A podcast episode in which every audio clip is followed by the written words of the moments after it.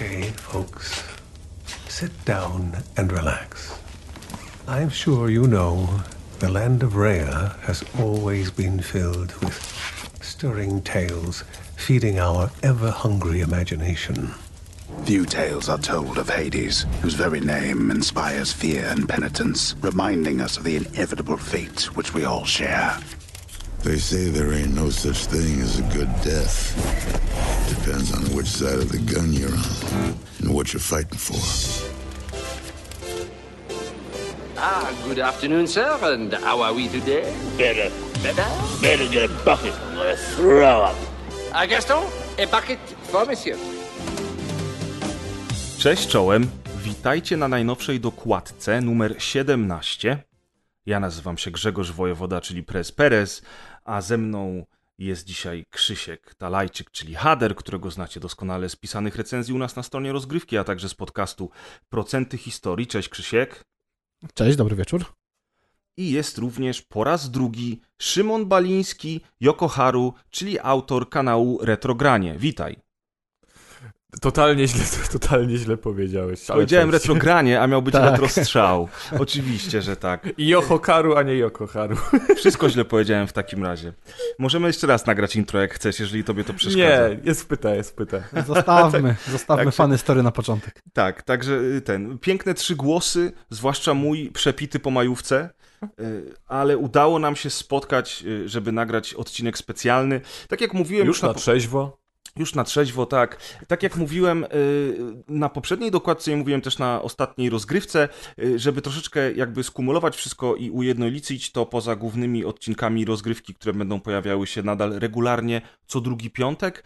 y, Wszystkie inne odcinki specjalne i mieszane i takie o popkulturze w ogóle będą po prostu ukazywać się w ramach dokładki. Kiedyś byłby to po prostu specjał, a dzisiaj, a dzisiaj jest to dokładka numer 17 i dzisiejszym motywem przewodnim są gry typu roguelite.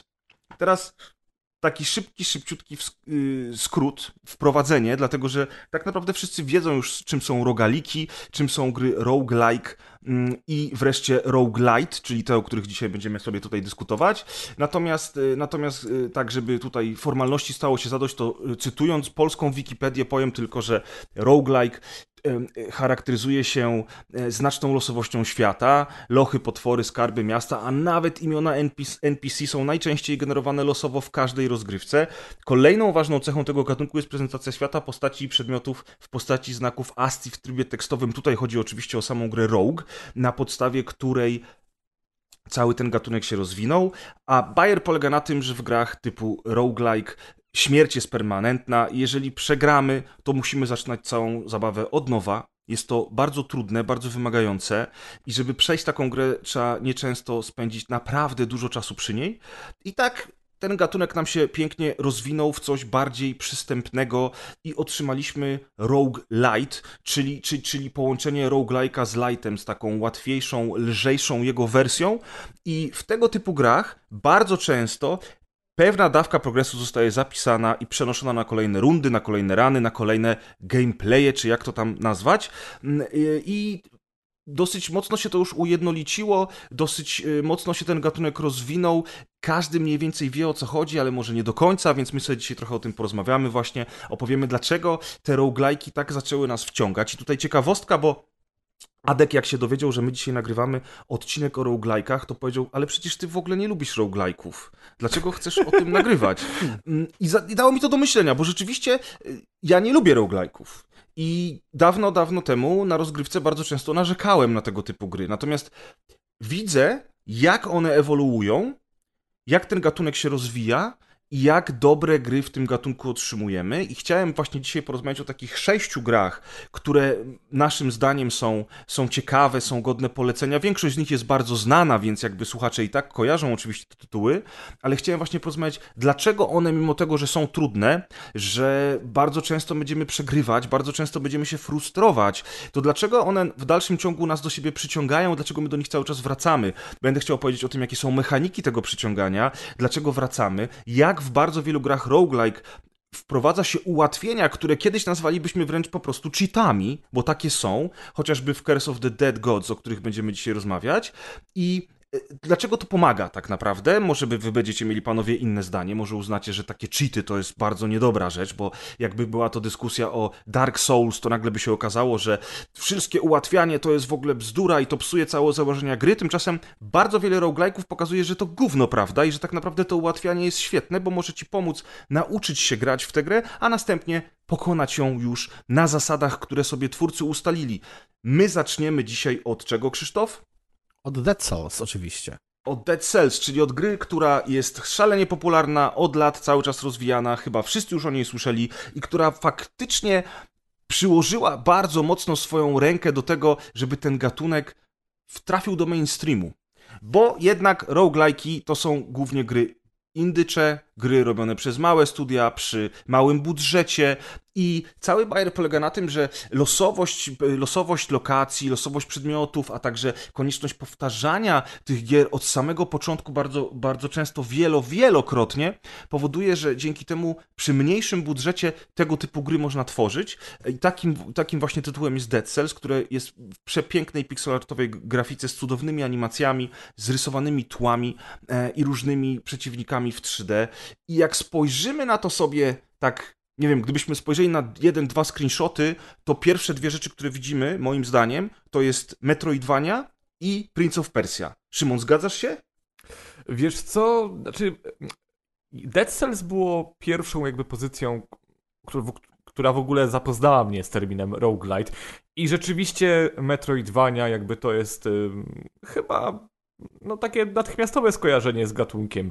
E, wręcz, nie wiem, troszkę też Hollow Knight co prawda nie jest roguelite'em, ale z kolei on mnóstwo o on bardzo o Metroidvanie zahacza i pamiętam, że przez chwilę, tak 2017-18, te dwa pojęcia myliłem w głowie, więc na pewno jest coś z tym, co mówisz. Ja jeszcze tylko e, do Dead Cells jedną może rzecz powiem, bo miałem współlokatora, który też jakby był e, graczem, ale on grał właśnie tylko w dwie gry.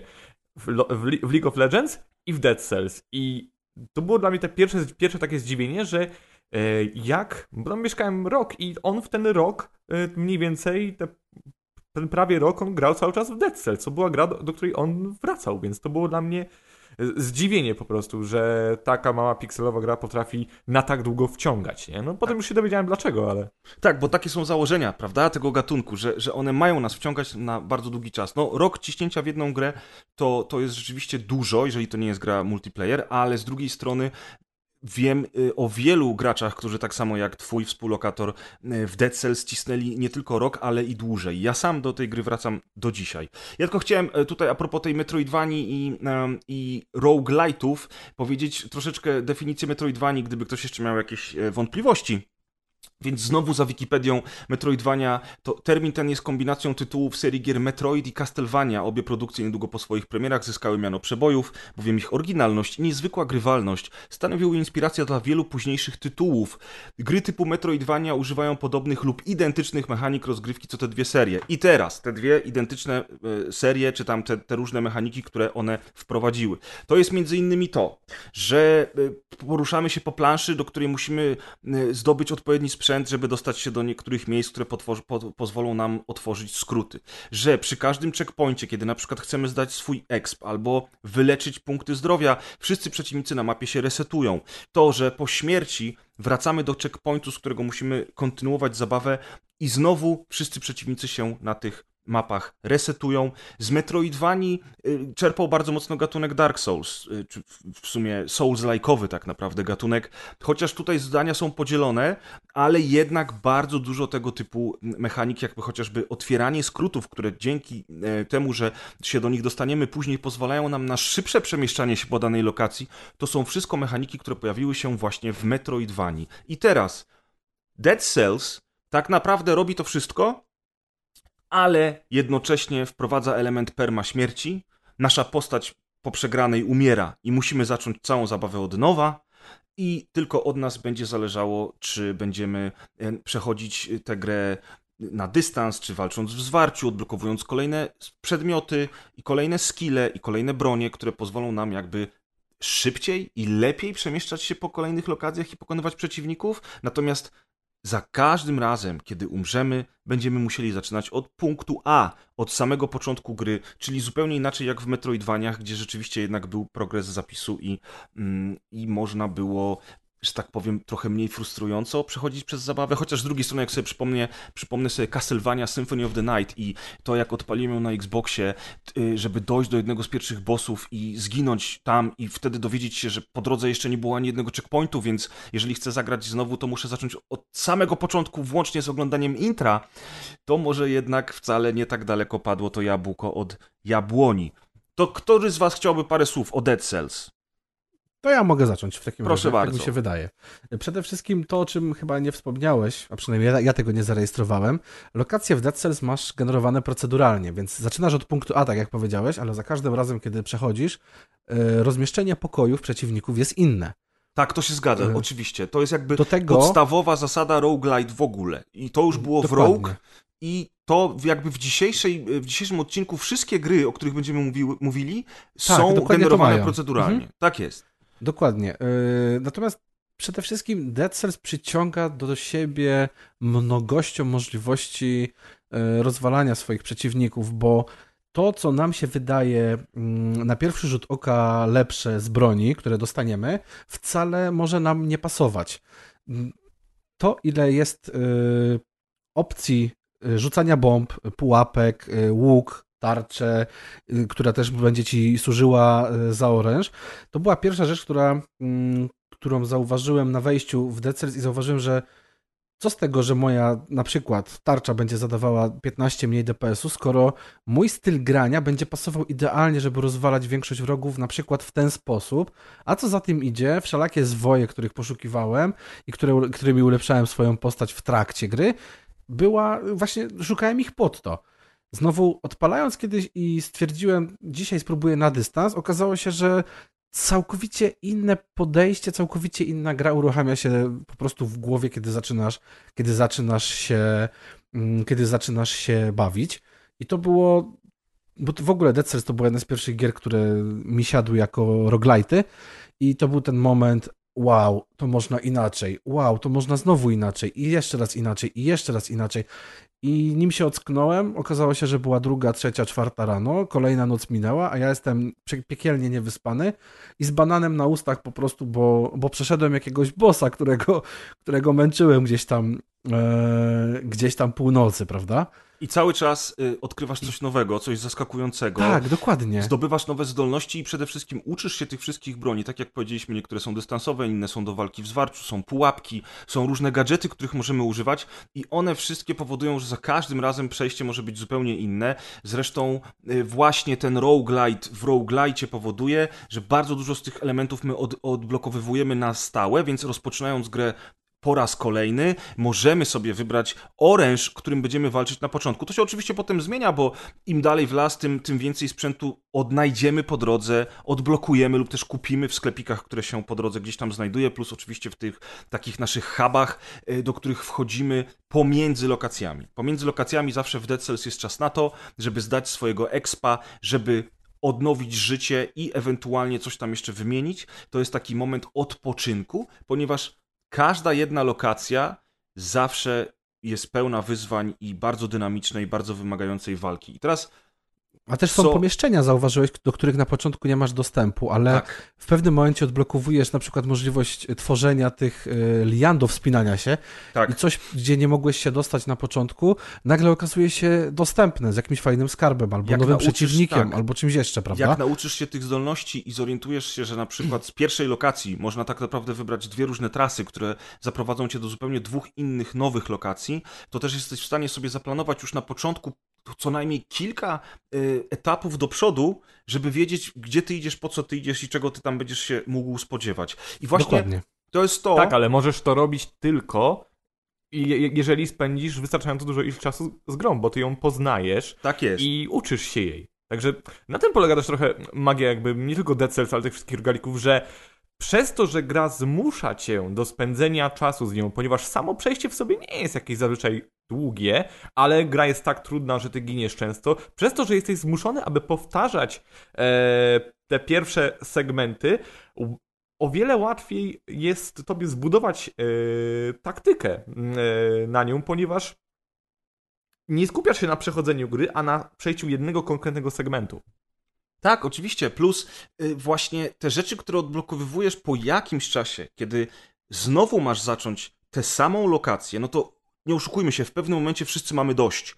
Y, W rogalikach jest coś takiego, że w pewnym momencie człowiek się poddaje, mówi mam dosyć, wrócę za tydzień, albo w ogóle nie wrócę do tej gry, bo mnie tak wkurzyła. E, I oczywiście jakby to też jest, to, ten gatunek to jest prawo tego gatunku, żeby tak, tak nas trochę irytować, no bo o co w nim chodzi właśnie i nie ma niczego złego w robieniu sobie przerw. Ale jak po raz kolejny wracasz do tej samej lokacji i masz po raz kolejny robić to samo, to może jednak wejść taka, tak, taka nuda, która spowoduje, że już do tej gry nie wrócisz. Tymczasem nagle właśnie w Dead Cells okazuje się, że odblokowałeś możliwość robienia tych lian, czy co to tam było, tych zielonych lin i nagle się okazuje, że jest sposób na to, żeby dostawać się w, w niektóre miejsca, do których się do tej pory nie mogłeś dostać. To nie jest oczywiście coś, co wymyśliło Dead Cells, ale to jest coś, co Dead Cells bardzo dobrze robi, co powoduje, że do tej gry chce się wracać, bo nawet te pierwsze etapy, które w pewnym momencie będą już bardzo proste, bo to też jest niesamowita rzecz, w gatunku, a w Dead Cells już w ogóle, że im dłużej grasz, tym robisz się lepszy, im robisz się lepszy i bardziej poznajesz słabostki przeciwników, ich zachowanie, działanie swoich broni, możliwości swojej postaci, tym po prostu robisz się coraz bardziej wypasiony. I w pewnym momencie, przechodząc przez te wszystkie pierwsze lokacje, zanim dojdziesz do kolejnego bossa, który nagle okaże się problemem, to grasz w tę grę już nie czując się jak taki mały, zagubiony chłopczyk, który z każdej strony zaraz może dostać lepę na ryj, więc boisz się nawet wskoczyć na kolejną platformę, tylko idziesz jak przecinak, jak burza i e, gra nagradza cię, więc moim zdaniem, ta gra nagradza cię właśnie e, w dwójnasób. Raz wszystkim tym, co odblokowywuje, co ci pokazuje dalej, włącznie z tymi skrótami, nie skrótami, a dwa właśnie tym, że w pewnym momencie zaczynasz czuć się y, jak prawdziwy wyjadacz. Zaczynasz czuć, że nauczyłeś się tej gry, jesteś dobry. To jest oczywiście to samo, y, co powie wam każdy fan Souls-like'ów i to jest prawda. W Dark Souls jest podobnie. Y, I, I rzeczywiście to jest chyba ta niesamowita siła, którą Dead Cells w sobie ma, bo powiedzmy sobie szczerze, fabularnie Dead Cells raczej nie rozkłada na łopatki, nawet nie interesuje chyba to, co się fabularnie tam dzieje, bo są jakieś znajdźki, jakieś teksty do przeczytania, czasami pojawi się jakaś osoba, która rzuci do nas dwa zdania, ale tak naprawdę, jeżeli chodzi o fabułę w Dead Cells, to ja praktycznie nie pamiętam z niej absolutnie nic. A wy? Bo, bo tam tego jest naprawdę e, niewiele. Wspomniałeś wcześniej o Soulsach. Soulsy mają świetne lore, które jest rozbudowane, prawda? Masz tych NPC-ów i tak dalej. Tutaj tego nie ma i praktycznie w żadnej grze, z wyjątkiem jednej, o której dzisiaj będziemy mówić, tak naprawdę w żadnej grze o fabule nie dowiadujemy się zbyt wiele, by nie powiedzieć, że czasami nic. Totalnie nic. No, powiem I ci właśnie szczerze to jest mówiąc, też- w dwóch co najmniej grach dzisiaj będzie całkiem sporo o fabule, ale tak, ona jakby nie jest tu kluczowa. I dlatego właśnie powiedziałem na początku, że będę chciał się też skupić na tym, czym te gry przyciągały nas, y, bo nie będziemy przecież mówili w imieniu wszystkich graczy na świecie, ale właśnie jedną rzeczą, do których roguelike'i są w stanie mnie przyciągnąć jest ten sposób nagradzania, czy też ułatwiania y, podróży, czego nie ma w Dead Cells. W Dead Cells nie ma żadnych opcji ułatwiających.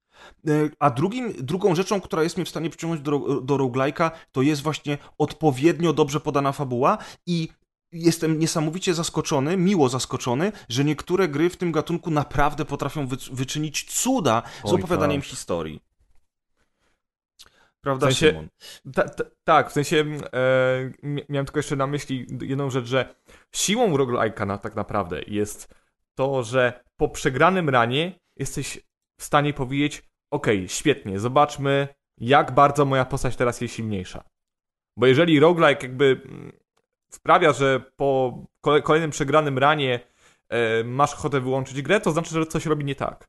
No tak mi się wydaje. No, znaczy... Postać postacią, ale ty jako gracz jesteś po prostu lepszy w tę grę. A po to tak, tak, tak, podejściu. tak, tak, to, to swoją E, drogą. Ale wiesz, czy, czy robi to źle? No nie, no czasami po prostu masz dosyć. Będziemy dzisiaj mówili o Hadesie. Hades jest bardzo dynamiczną grą.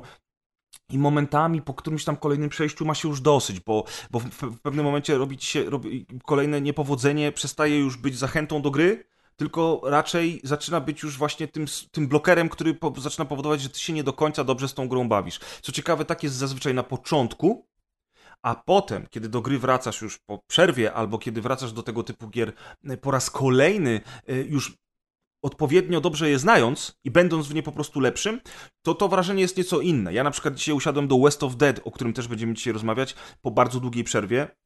I zrobiłem od razu cały pierwszy akt, bo ja grałem do tej pory na, na, na PC, a teraz sobie odpaliłem na Xboxie. Y, Zrobiłem ca cały pierwszy akt za jednym zamachem, bez żadnego potknięcia, z dwoma dużymi bossami po drodze i stwierdziłem, o kurczę, Przecież jak grałem w to pierwszy raz, to zupełnie inaczej ta moja przygoda wyglądała. Czasami byłem wręcz zirytowany, bo strasznie lubię tę grę, a nie mogę sobie z nią poradzić. A teraz do niej usiadłem i po prostu, wiesz, jak, jak, jak przez masło poszedłem. I to jest właśnie chyba to, co wszystkie te gry dają od siebie tobie jako graczowi, że możesz się poczuć e, dobrze chyba, prawda? No bo nikt nie będzie czuł wyjątkowie, że wygrał w grę. Gry są dla przegrywów i dla dzieci. No, szanujmy się. Ale jednak, ale, ale jednak, że, że, że jednak czujesz się dobrze z tym, że odnosisz jakieś sukcesy w tej grze. y, To, to jest bardzo fajna, fajna rzecz, którą tego typu rogaliki wywołują. Czy Dead Cells u was y, takie emocje wywoływało, jak graliście? Kto pierwszy? Kto pierwszy? Powiem szczerze, że nie, ale to z tego względu, iż bardziej do Dead Cells siadałem już po Hadesie. Właściwie po, ja po Hadesie tak dopiero mm, zrozumia... zacząłem zgłębiać ten gatunek i e, Dead Cells y, w porównaniu z Hadesem już no, nie dostarczał mi tych e, samych e, em, em, emocji. Był dla mnie taką może nie grą gorszą, bo to jest bardzo źle powiedziane, ale po prostu w bledł, w, bladł w porównaniu z Hadesem. To bardzo ciekawe, y, bo ja na przykład wolę Dead Cells. Y, Z tym, Ale to widzisz, no w to... Dead Cells mam dużo, dużo więcej godzin wbitych niż, niż w Hadesie, ale ja bardzo lubię wszystkie gry twórców Hadesa. Uwielbiam Bastion, a Hades tak naprawdę jest kopią Bastionu, tylko przeniesioną y, na, na mechaniki roguelike, roguelite, przepraszam, roguelite, no i oczywiście z us- usprawnieniami i wieloma modyfikacjami, ale to jest Bastion po prostu, który ja kocham.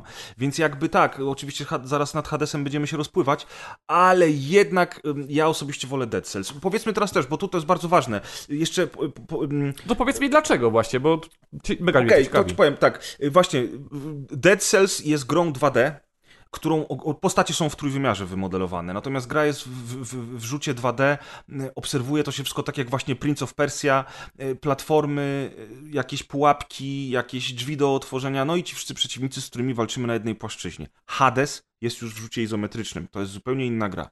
E, Dead Cells, Dead Cells bardzo mocno przypomina klasykę gatunku, mm, z Metroidvanią właśnie na czele, z Metroidvaniami, bo przecież to, to nie jest gra, tylko tak jak już powiedzieliśmy, to jest pewien rodzaj gier. No i mi się tam podoba wszystko, od tła, po wygląd postaci, po to jak one są animowane, no i przede wszystkim walkę. Ta walka w, ta walka w Dead Cells jest mniej chaotyczna niż w Hadesie, bo ja widzę dokładnie wszystko, co ja robię, czego w Hadesie nie widzę. Y, Możliwe, że jest to wina tego, że gram na Switchu, na małym ekranie, chociaż Bastion też przechodziłem na konsoli przenośnej i nie miałem tego problemu. I dlatego wydaje mi się, że w Hadesie jest taki pewien czynnik y, losowy, który powoduje, że ja czasami przegram wcale nie z mojej winy, ale właśnie z tego, jak akcja na ekranie jest przedstawiona. Tymczasem w Dead Cells ja widzę wszystko. Każdy ruch przeciwnika, każdy swój ruch, y, wszystkie pułapki i całą resztę. I jeżeli ja przegram, to ja wiem, że przegrałem tylko i wyłącznie z mojej winy. Natomiast faktycznie jednak w Hadesa grałem mniej i może to jest tylko i wyłącznie e, jakieś takie moje złudzenie. Nie wiem, co ty myślisz, Krzysiek. Wiesz co, powiem tak. Ja y, z dzisiejszych gier w Hadesa, akurat w Hadesa nie grałem. I to A, muszę się przyznać bez bicia. No, nie Natomiast, można grać y, we wszystko. No oczywiście, że tak. Natomiast tych sześciu gier grałem w cztery i dla mnie Dead Cells jest e, totalnie na pierwszym miejscu. Z mojej, z, w mojej perspektywie oczywiście. Ale to jest dokładnie to też, e, to o czym mówiłeś. Wiem, że przegrywałem w nim z własnej winy. To mnie napędzało do kolejnych prób, do kolejnych ranów, żeby spróbować jeszcze raz i jeszcze raz. I trochę inaczej podchodzić do, do niektórych gdzieś tam przeciwników. E, więc dla mnie Dead Cells jest absolutnie fenomenalną grą i zacząłem się zastanawiać, kiedy powiedziałeś o tym, że lepiej się czułeś w Dead niż w Hadesie, w związku z tym, że Hades był w rzucie izometrycznym. Curse of the Dead Gods też jest w rzucie izometrycznym i też coś mi w tej grze nie pasuje. Ale może to To jest faktycznie bardzo ciekawe, to jest, to jest bardzo ciekawa perspektywa. Tak na moje, e, jak tak powiedzieliście, w Hadesie jest też dużo czynników losowych, bo jednak e, pewne umiejętności, które utrzymujesz po każdym pokoju, mogą się ułożyć w mniej lub bardziej fortunny sposób. Ale z drugiej strony też jest, też gracz ma nad tym pełną kontrolę. Właśnie pytanie chyba polega na tym, jak duży czynnik losowości jest y, w Dead Cells. Wy, wy byście mogli bardziej powiedzieć. Wiesz co, to jest dobre pytanie. To jest w ogóle dobry trop. A wyda ale wydaje mi się, że ciężko jest ocenić ten poziom losowości, bo jednak... Bo każdy, każdy run będzie inny, o to mi chodzi, nie? Tak, w Dead Cells, jak podnosisz upgrade, to możesz wybrać, w co chcesz zapakować. Więc ty jesteś w stanie zdecydować o tym, co będziesz rozwijał. Tak samo jest w Hadesie, prawda? Tylko, że tam już jest ten problem, że na przykład jeżeli wylosujesz w tym ranie głównie moce od Poseidona i od Hermesa, to może to nie być O. taki build, jaki ty byś chciał mieć, prawda? I wiesz, to jest problem. Wydaje mi się, że jednak w Hadesie ta losowość, ta losowość jest troszeczkę większa. Ona, ona troszeczkę bardziej p- w, w, w, w, wprowadza chaos w rozgrywce, bo jednak jak, po prostu grasz tymi kartami, które zostaną ci rozdane. I bardzo często nie masz na to Masz wpływu. na to w pewien wpływ, bo możesz między drzwiami wybierać, co się dzieje. Możesz. E, ale, ale, z- ale znowu nie masz pojęcia, bo wiesz, na przykład jak e, chcesz, chcesz powiedzmy bunkę jakąś od Ar Artemidy, ale nie dostaniesz specjala od niej na następnym e, e, po wygraniu pokoju, no to nie będzie to aż tak dobre, jakbyś dostał. Tak, tak, no oczywiście właśnie o to chodzi, bo ty w Hadesie jesteś w stanie wybrać sobie, y, jaki kolejny rodzaj pokoju zwiedzisz, ale co ty tam dostaniesz, to nie zawsze jest takie pewne. Natomiast oczywiście w tym gatunku ta losowość jest czymś naturalnym. To nie jest problem, absolutnie, wręcz przeciwnie. Ta losowość jest tak naprawdę tym, co napędza te gry. Y, Słuchajcie, przejdźmy do Hadesa, tylko jeszcze chciałem powiedzieć, że wtedy powiesz mi, Dlaczego tobie się Hades podoba tak bardzo, Szymonie? Ale zanim do tego przejdziemy, to ja tylko chciałem powiedzieć naszym słuchaczom, że jeżeli jesteście zainteresowani tego typu grami, ale boicie się rogalików i nie ma w tym nic złego, ja się też bardzo długo bałem rogalików i od wielu się odbiłem i zostałem przez nie pokonany i w ogóle, wiecie, upokorzony totalnie i w ogóle natychmiast leciały z dysku, mm, to jeżeli chcielibyście zacząć z czymś takim, albo macie ochotę na coś bardziej metroidwalnego, y, na, na, na platformówkę akcji, powiedzmy to, to jest gra, która wygląda jak Dead Cells, która ma bardzo zbliżoną gra oprawę graficzną do Dead Cells, animacje, sam pomysł na gameplay jest praktycznie jeden do jeden przeniesiony z Dead Cells i można by było powiedzieć, że to jest plagiat, gdyby nie fakt, że nie jest plagiatem, jest grą akcji platformową 2D, y, w której jest zapis postępu, w której po śmierci się nie zaczyna od nowa, chociaż ona nie jest łatwa, ale na pewno jest łatwiejsza od Dead Cells y, i tą grą jest Forgone. To jest gierka, która wyszła jakieś dwa lata po Dead Cells, albo nawet i trzy. Ona wyszła na początku y, dw- y, 2020 roku. Stworzyło ją Big Blue Bubble i wydaje mi się, że troszeczkę przeszła bez echa, mimo tego, że chyba twórcy bardzo mocno chcieli, żeby, żeby, żeby pojechać na tym grzbiecie Dead Cells, żeby właśnie dzięki tym takim skojarzeniom wizualnym spodobać się graczom, ale mam wrażenie, że, że jakoś nie było z- o niej zbyt głośno. Wielka szkoda, bo ja uważam, że Forgon jest fenomenalne. Opowiadałem o nim zresztą na rozgrywce jakiś czas temu.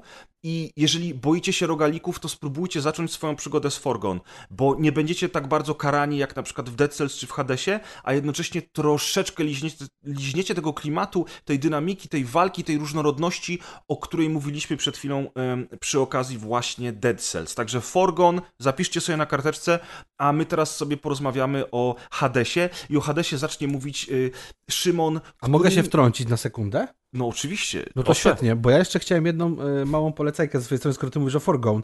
Jest też taka gra, która jest dostępna w Game Passie, nazywa się Undermine. Słyszeliście? Mm, Nie ja miałem s- przyjemności. kojarzę tytuł, ale nie miałem przyjemności E, też. widok z góry, trochę roguelite właśnie. E, po każdej śmierci e, wchodzisz do kopalni jako nowy górnik. Po każdy twój górnik, którego się wcielasz, ma inne imię. Więc Okej. e, to jest fajnie, roz- to jest pod tym względem fajnie rozwiązane i ona nie jest e, tak trudna, nie ma według, w mojej przynajmniej opinii, nie ma tak wyśrubowanego poziomu jak e, gry, o których będziemy dzisiaj, e, dzisiaj mówić jeszcze.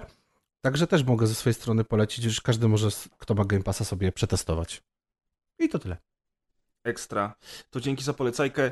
Chciałem specjalnie tego Szymona, żeby zaczął od Hadesa, bo Szymon grałeś z nas wszystkich chyba najwięcej. Tak, znaczy ja... I ch- chciałem od razu powiedzieć, że ty nie jesteś y, z retrogrania, tylko jesteś z retrostrzału. Jakby ktoś nie, nie pamiętał, to, to właśnie, że, z- że z retrostrzału jest ten nasz Szymon, ale wiesz, że ja nigdy w życiu nie nauczę się twojej ksywy i zawsze będę mówił Yoko Haru, mimo tego, że to jest Yoho Ale to Haru. jest normalne, Jak, można sobie jest- taką jest- trudną ksywę w ogóle wybrać? No, Hader jest jest Hader i wszyscy wiedzą o co chodzi. A ty sobie wybrałeś, wiesz co? Ale ty do dzisiaj źle mówisz moje nazwisko, no to co ja mam zrobić? A jak ja mówię twoje nazwisko? Przez L, a ja mam przez E. Mistrzu, ale ty masz na Facebooku i wszędzie przez bo L. było, bo było, bo nie było polskich znaków, jak ja zakładałem Facebooka i zrobiłem przez L. Słuchajcie, ze mną dzisiaj jest, ze mną dzisiaj jest w ogóle, w ogóle ze mną, ze mną dzisiaj jest Jocho Karu i Krzysztof Tałajczyk. No, No, teraz jest dobrze, Nawet nie po wiesz, kim 29 prowadzisz minutach sprawa ale, się wie- ale, wiesz, rozwiązała. ale wiesz jak to jest, nie? Że jeżeli my ze sobą rozmawiamy głównie przez internet, piszemy do siebie wiadomości A, i tak wiem. dalej, to ja widzę cały czas twoje nazwisko przez L i po prostu mam już zakodowane w głowie, że to jest przez L. Wiem, nieraz cię poprawiałem, bez skutku. Faktycznie, faktycznie, no niestety. No przykro mi, bardzo trudno. Nie mam pretensji, broń Boże. Dobra, idziemy teraz do Hadesa, zobaczymy, czy mamy pretensje jest. do niego. I z- zaczynaj, Szymon, opowiadaj. Luźno. E, znaczy tak, no, ja od tego zacznę w ogóle, że ja rzadko poza, bo głównym takim moim gatunkiem w giereczkowie jakby są ścigałki i platformówki. Jeżeli ja już się wynurzam jakby w tereny, w tereny roguelike'owe i spędzam z grą około 50 godzin od października, e, co jest jak na moje standardy dużo, to znaczy, że coś jest nie tak. To znaczy, że coś, coś, jest, coś w tej grze jest. Znaczy, to Hades chyba, kupił- że coś jest dobrze, a nie nie tak. czy, właśnie, czy, znaczy coś, czy coś jest dobrze, tak. Chodziło mi o, teraz tak, Hades e, kupił mnie przede wszystkim mitologią grecką. Ja mam ogromny sentyment do mitologii greckiej, jeszcze z czasów szkolnych, e, z czasów jak e, God of War na PlayStation 2 oraz PlayStation 3 święcił triumfy oryginalna trylogia, więc jak, jak zobaczyłem, że jest gra akcji, która, bardzo dobra gra akcji, którą wszyscy wokół zachwalają, która ma, e, która jako rdzeń bierze na siebie mitologię grecką, mówię, wchodzę to jak w masło. E, była, jakoś tak się załapałem, że była promocja na Epiku, te 40 zł można było rozdawać, więc kupiłem go za 30 zł. Mówię, najwyżej. Najwyżej mi się nie spodoba. Pierwsze, pierwszy tydzień to ja chyba grałem po 5 godzin e, dziennie. Tak się mocno wciągnąłem, ale okej. Co Hades robi świetnie? Przede wszystkim to, co. mm, E, może, inaczej, od początku. Fabuła. To, to Hades kupił mnie przede wszystkim przedstawieniem fabuły. E, jak mu to. E, mówiliście, że właśnie w roguelike'ach na w Dead Cells fabuła nie jest aż tak e, ważnym elementem, ale wychodzi e, Hades i bierze te wszystkie postacie z mitologii greckiej, czyli tak naprawdę wszystkich mieszkańców e, Hadesu, bogów, e, bogów, tytanów nawet też e, trochę oraz e, osoby, powio- I osoby bohater, z bohaterów ciemnością. w ogóle z mitologii greckiej też ludzi, No tak, prawda? bohaterów też, herosów, nie? Masz rację. E, I ubiera to w jeden spójny świat, który bardzo płynnie tłumaczy ci wszystkie roguelike'owe mechaniki. Głównym bohaterem gry jest Zagreus, syn, ha- e, syn Hadesa, który, który postanowił uciec. Uciec i wyjść na powierzchnię, żeby... E, I nie mów tego właśnie, bo to jest A, bardzo a właśnie. ciekawe, że na początku jak zaczynamy zabawę, to nie wiemy czemu on chce uciec z królestwa swojego ojca. A no tak. Nie wiemy A czemu widzisz, na przykład tak dawno, że...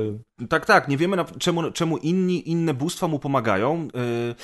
I dopiero po którymś ranie, po którymś przejściu do momentu śmierci, rozpoczęcia od nowa, dowiadujemy się czemu. I to jest właśnie to, o czym, o czym mówi Szymon, że niesamowite jest to, jak ta gra fajnie opowiada historię, wtrącając coraz więcej informacji przy każdym kolejnym podejściu do zabawy, dzięki czemu my nie tylko chcemy doskonalić swoją postać, żeby, żeby zabrnąć dalej w kolejnych etapach, ale my też autentycznie jesteśmy ciekawi tej historii. Jesteśmy jej ciekawi, bo ona jest dobrze napisana, ma bardzo ciekawe dialogi, wszystko jest udźwiękowione i gra aktorska w Hadesie miażdży jajca. Naprawdę Dubbing, uważam, że... W sensie Dubbing, dubbing, tak. bo to jakby tam aktorów nie ma, jest, jest, to są tylko obrazki i... No voice E, acting, teksty. tak, po angielsku No, byśmy acting. powiedzieli voice acting. Jest niesamowity. Zresztą to nie jest, y, w przypadku Super Giant Games to nie jest żadne zaskoczenie. Bastion miał też genialny voice acting, do tego jest genialna muzyka i to wszystko powoduje, że momentami to aż się ciarki ma na plecach, jak się tego wszystkiego słucha. Tak fajnie jest to napisane i tak fajnie jest to zagrane. Więc dzięki temu właśnie mimo tego, że na przykład mnie Hades troszkę wkurzał, bo bardzo dużo niepowodzeń y, y, w, y, w tej grze ja naprawdę zrzucam na, na, na kark tego, tej kamery, która jest po prostu na, na, na ekranie Switcha to jest małe, plus nie, nie do końca precyzyjnych tych joyconów, więc ja jeszcze będę musiał usiąść sobie, podłączyć Switcha do dużego no, telewizora. No, narzędzie bogów, no. A, to już inna sprawa, ale na PC gry nie mam, mam ją na Switchu, więc bardzo możliwe, że po prostu sobie podłączę tego Switcha do dużego telewizora, usiądę jeszcze, podłączę sobie pada normalnego i zobaczę wtedy, y, czy będzie mi się grało lepiej. Natomiast rzeczywiście były takie momenty, kiedy Hades mnie swoją mechaniką irytował, ale to nie miało, y, to nie był problem, to nie miało żadnego znaczenia, bo ja i tak brnąłem dalej w tę grę przez to, właśnie jak ona opowiada historię. Przez to, jakie ona odkrywa przede mną kolejne wątki, które tak naprawdę Wiecie, to nie jest The Last of Us, no umówmy się, ale, ale jest to tak fajnie na, napisane i zagrane, że naprawdę, naprawdę Ale tym wciąga. bardziej, bo patrząc na to, jak ograniczone jednak narzędzia ma Hades do opowiadania historii, tym bardziej robi to wrażenie. Ja, grałem, tak. ja pamiętam, że grałem w Hadesa już no, po przejściu The Last of Us Part 2 i to dalej, mówię, to dalej robiło na mnie wrażenie, że ten, ten voice acting był tak grywany, spotkanie z każdą postacią było przyjemnością. W ogóle może opowiedzmy, jak to działa, ponieważ po każdym pokoju, yy, może, może, nie, może, nie po może nie po każdym pokoju. E, świat Hadesa jest podzielony na cztery e, cztery biomy, z których e, Zagreus musi się wydostawać. Po, każdy biom, e, po każdym biomie czeka nas boss.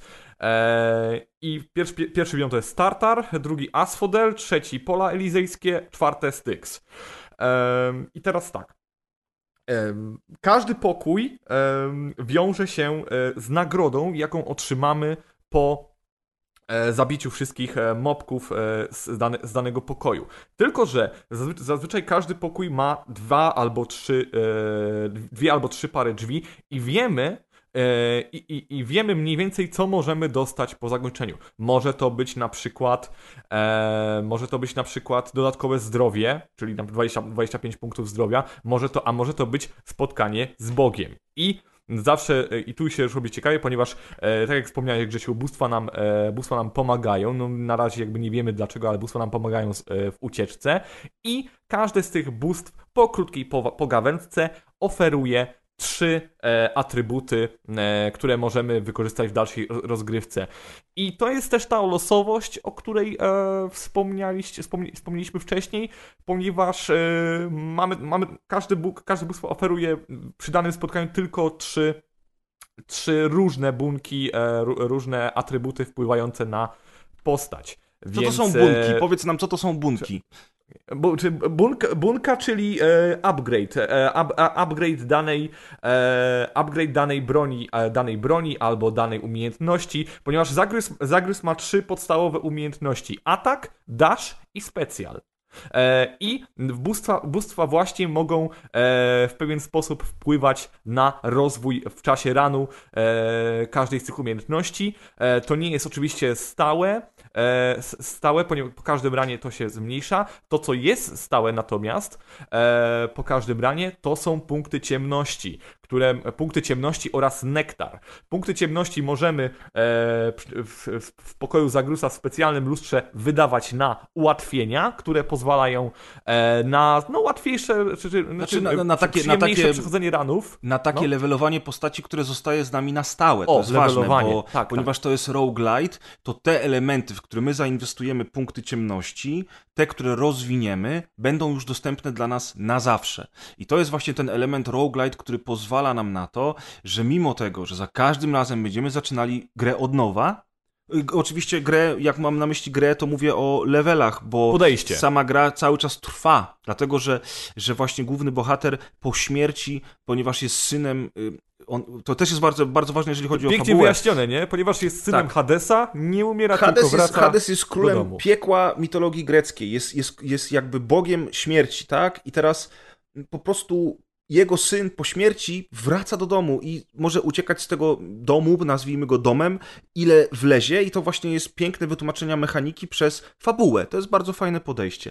No i właśnie, właśnie to rozwijanie tej postaci powoduje, że nawet jak zginiemy i zaczynamy całe bieganie od nowa, to jesteśmy coraz lepsi. I to jest jedna rzecz, a ja jeszcze tylko teraz wtrącę, już oddaję Ci z powrotem mikrofon, że to jest też gra, która wprowadza już ułatwienia. I ona ma tylko jeden system ułatwień, jest on do, do włączenia w opcjach. Ten system ułatwień polega na tym, że po każdej śmierci rośnie nasza odporność. O ileś tam procent.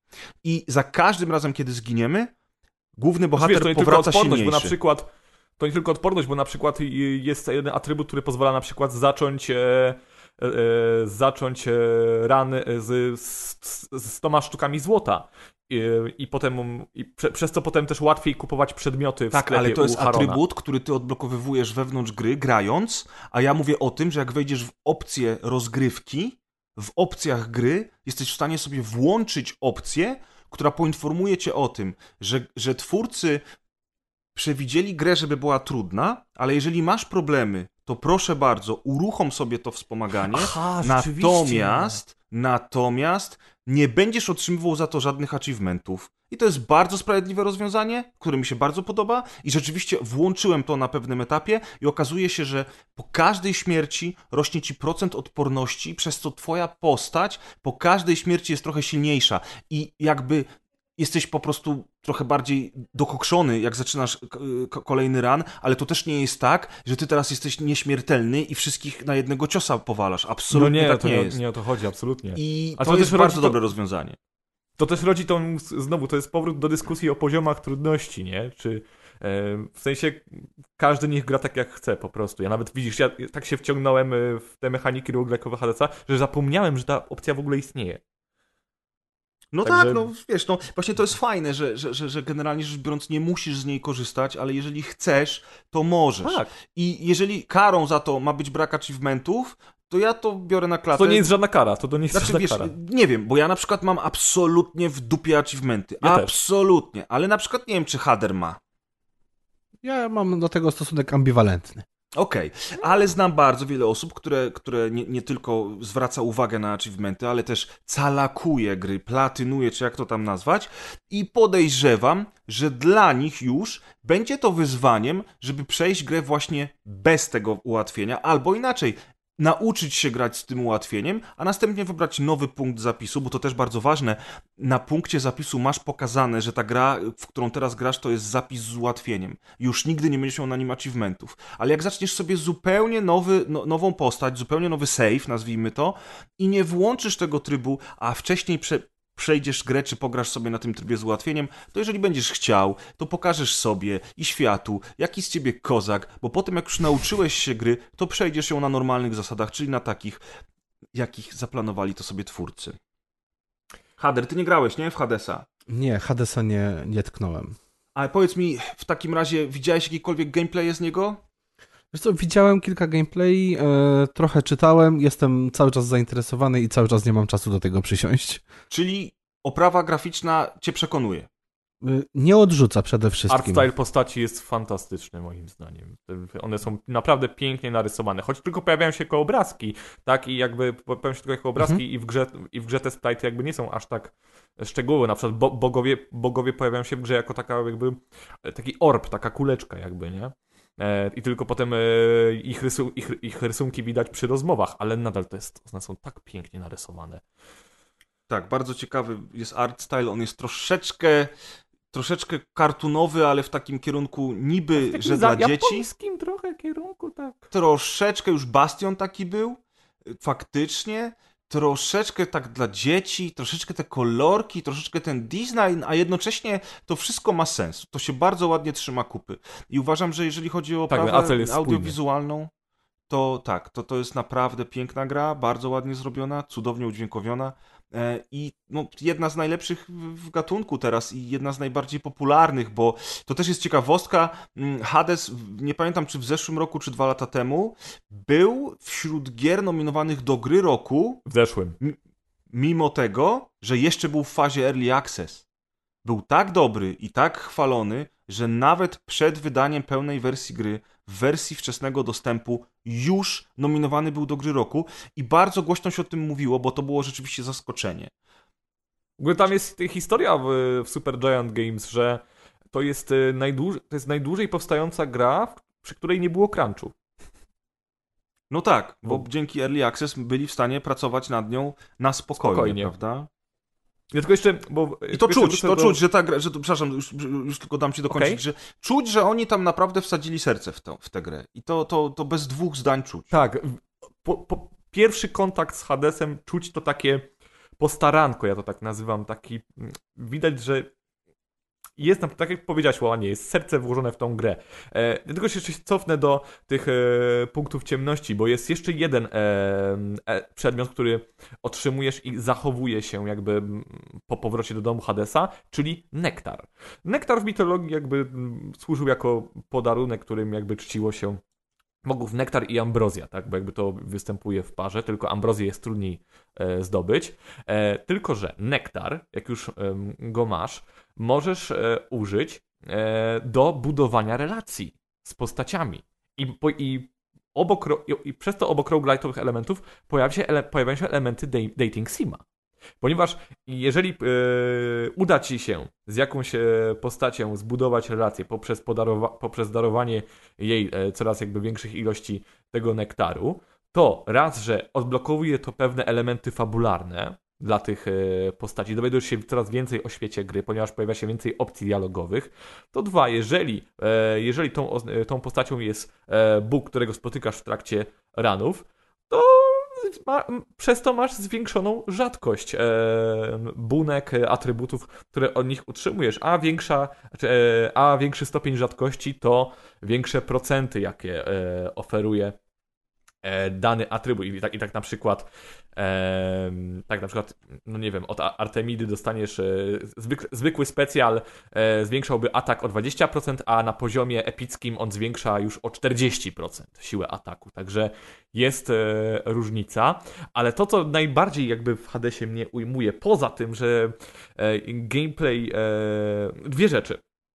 Po pierwsze, po, pierwsze, gameplay jest niesamowicie szybki, nawet z podstawową bronią Zagriusa, czyli, e, czyli mieczem, choć potem pojawiają się nowe bronie, co też zmienia e, oczywiście styl rozgrywki. Gameplay jest niesamowicie szybki, on się ociera wręcz, e, mimo że to... Mimo, Powiedziałbym, że to jest bardziej jakiś hack and slash, ale to bardziej i tak, to i tak ociera się o e, slashera tak naprawdę. E, tak szybki, dyna- dynamiczny jest ten gameplay, jest uzależniający, mimo że e, w pierwszych fazach w pierwszych fazach gry e, bossowie dają w kość i są, wkurza- i są wkurzający, ale znowu pojawia się tyle fabuły, że masz ochotę po raz kolejny spróbować dotrzeć do tego bossa, zwłaszcza, że jeden run e, może trwać maksymalnie 40 minut. Także to, także to też nie musisz, nie musisz aż tak wiele czasu poświęcić grze przy jednorazowym kontakcie z nią.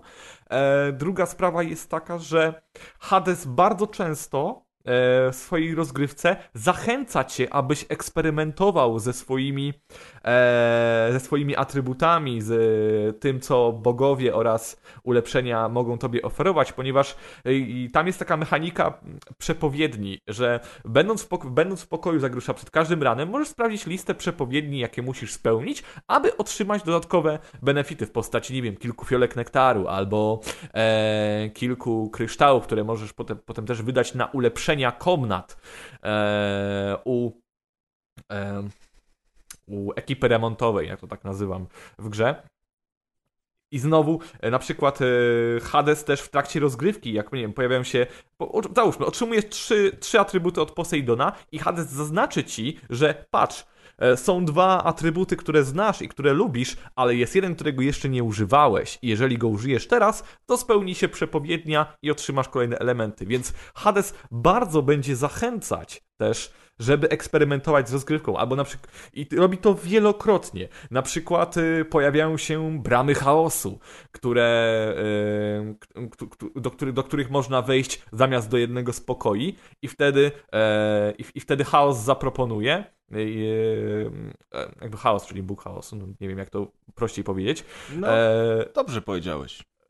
I on zaproponuje, na, e, zapro- zaproponuje klątwę. Czyli na cztery rundy na przykład nie możesz w ogóle używać specjalu. Znaczy, mo- możesz, ale będziemy ci odbierać po cztery punkty zdrowia, ale po tych czterech pokojach e, zwiększymy, e, zwiększymy siłę.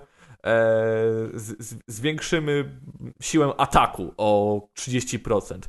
Także ja, ja, ja, to, nazy ja to nazywam zawsze w rozmowach tym elementem idź na całość. A zamień to, a zamień to, a może chcesz to, a może chcesz to. Bo na przykład każdą, po każdym biomie e, też e, możesz sprzedawać u Harona atrybuty. Możesz stwierdzić, że okej, okay, to ja na dalszy ran nie potrzebuję e, gniewu Poseidona e, i mogę go sprzedać, żeby mieć pieniądze na zakup kolejnych atrybutów lub zakup e, ulepszeń. To jest to, że gra cały Hades oprócz fantastycznych mechanik gameplayowych e, w rozgrywce, czyli te, te, te, tego slashera, oferuje cały czas, oferuje tą losowość na zupełnie innym poziomie. Tak jak to jest dla mnie, mówię, każdy run jest dla mnie tak, tak, dla mnie tak, jakby Zygmunt Heiser przede mną stanął i e, okej, okay, okay, to, zamienia, teraz zamieniamy gniew Poseidona na e, atak, e, atak Aresa, a może chcesz zamienić atak Aresa na ten nektar, który potem możesz podarować Artemidzie. No, no tak, to jest... oczywiście jakby ta y, losowość plus możliwość planowania naszego builda y, na, na kolejny run, to jest też coś, co w tych wszystkich grach, o których dzisiaj sobie rozmawiamy, jest takim wspólnym mianownikiem.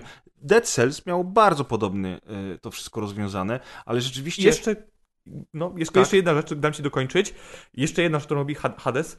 Już mówiłem o, to, o tym jeszcze Krzyśkowi przed nagraniem na to, na ile godzin, powiedzmy, ja tam spędziłem, mówię, około 40-50 godzin, na to, jak on fantastycznie potrafi rozplanować element, y, pojawiające się nowości tak, aby po tych 30 godzinach gra dalej nie była nudna, bo nagle pojawi się jakaś e, zupełnie nowa postać, która będzie, która wprowadzi do fabuły e, kilka elementów i, e, i, do, i dodatku zaoferuje też tobie nowy sposób rozgrywki. Na to to jest dla mnie chyba jeden z najwyższych geniuszów tej gry, że mało która gra potrafi utrzymać taki stopień uwagi przez 30-40 godzin. No. Nie wiem, jak ty to oceniasz, Grzesiu. To znaczy, to, to, ja nie grałem tak dużo jak ty. Ja mówię, w Hadesa wbiłem 15 godzin może i. Ale to i tak na, już na razie. Dużo. Na razie już jakby wiesz, mam trochę dosyć z tych względów, o których mówiłem.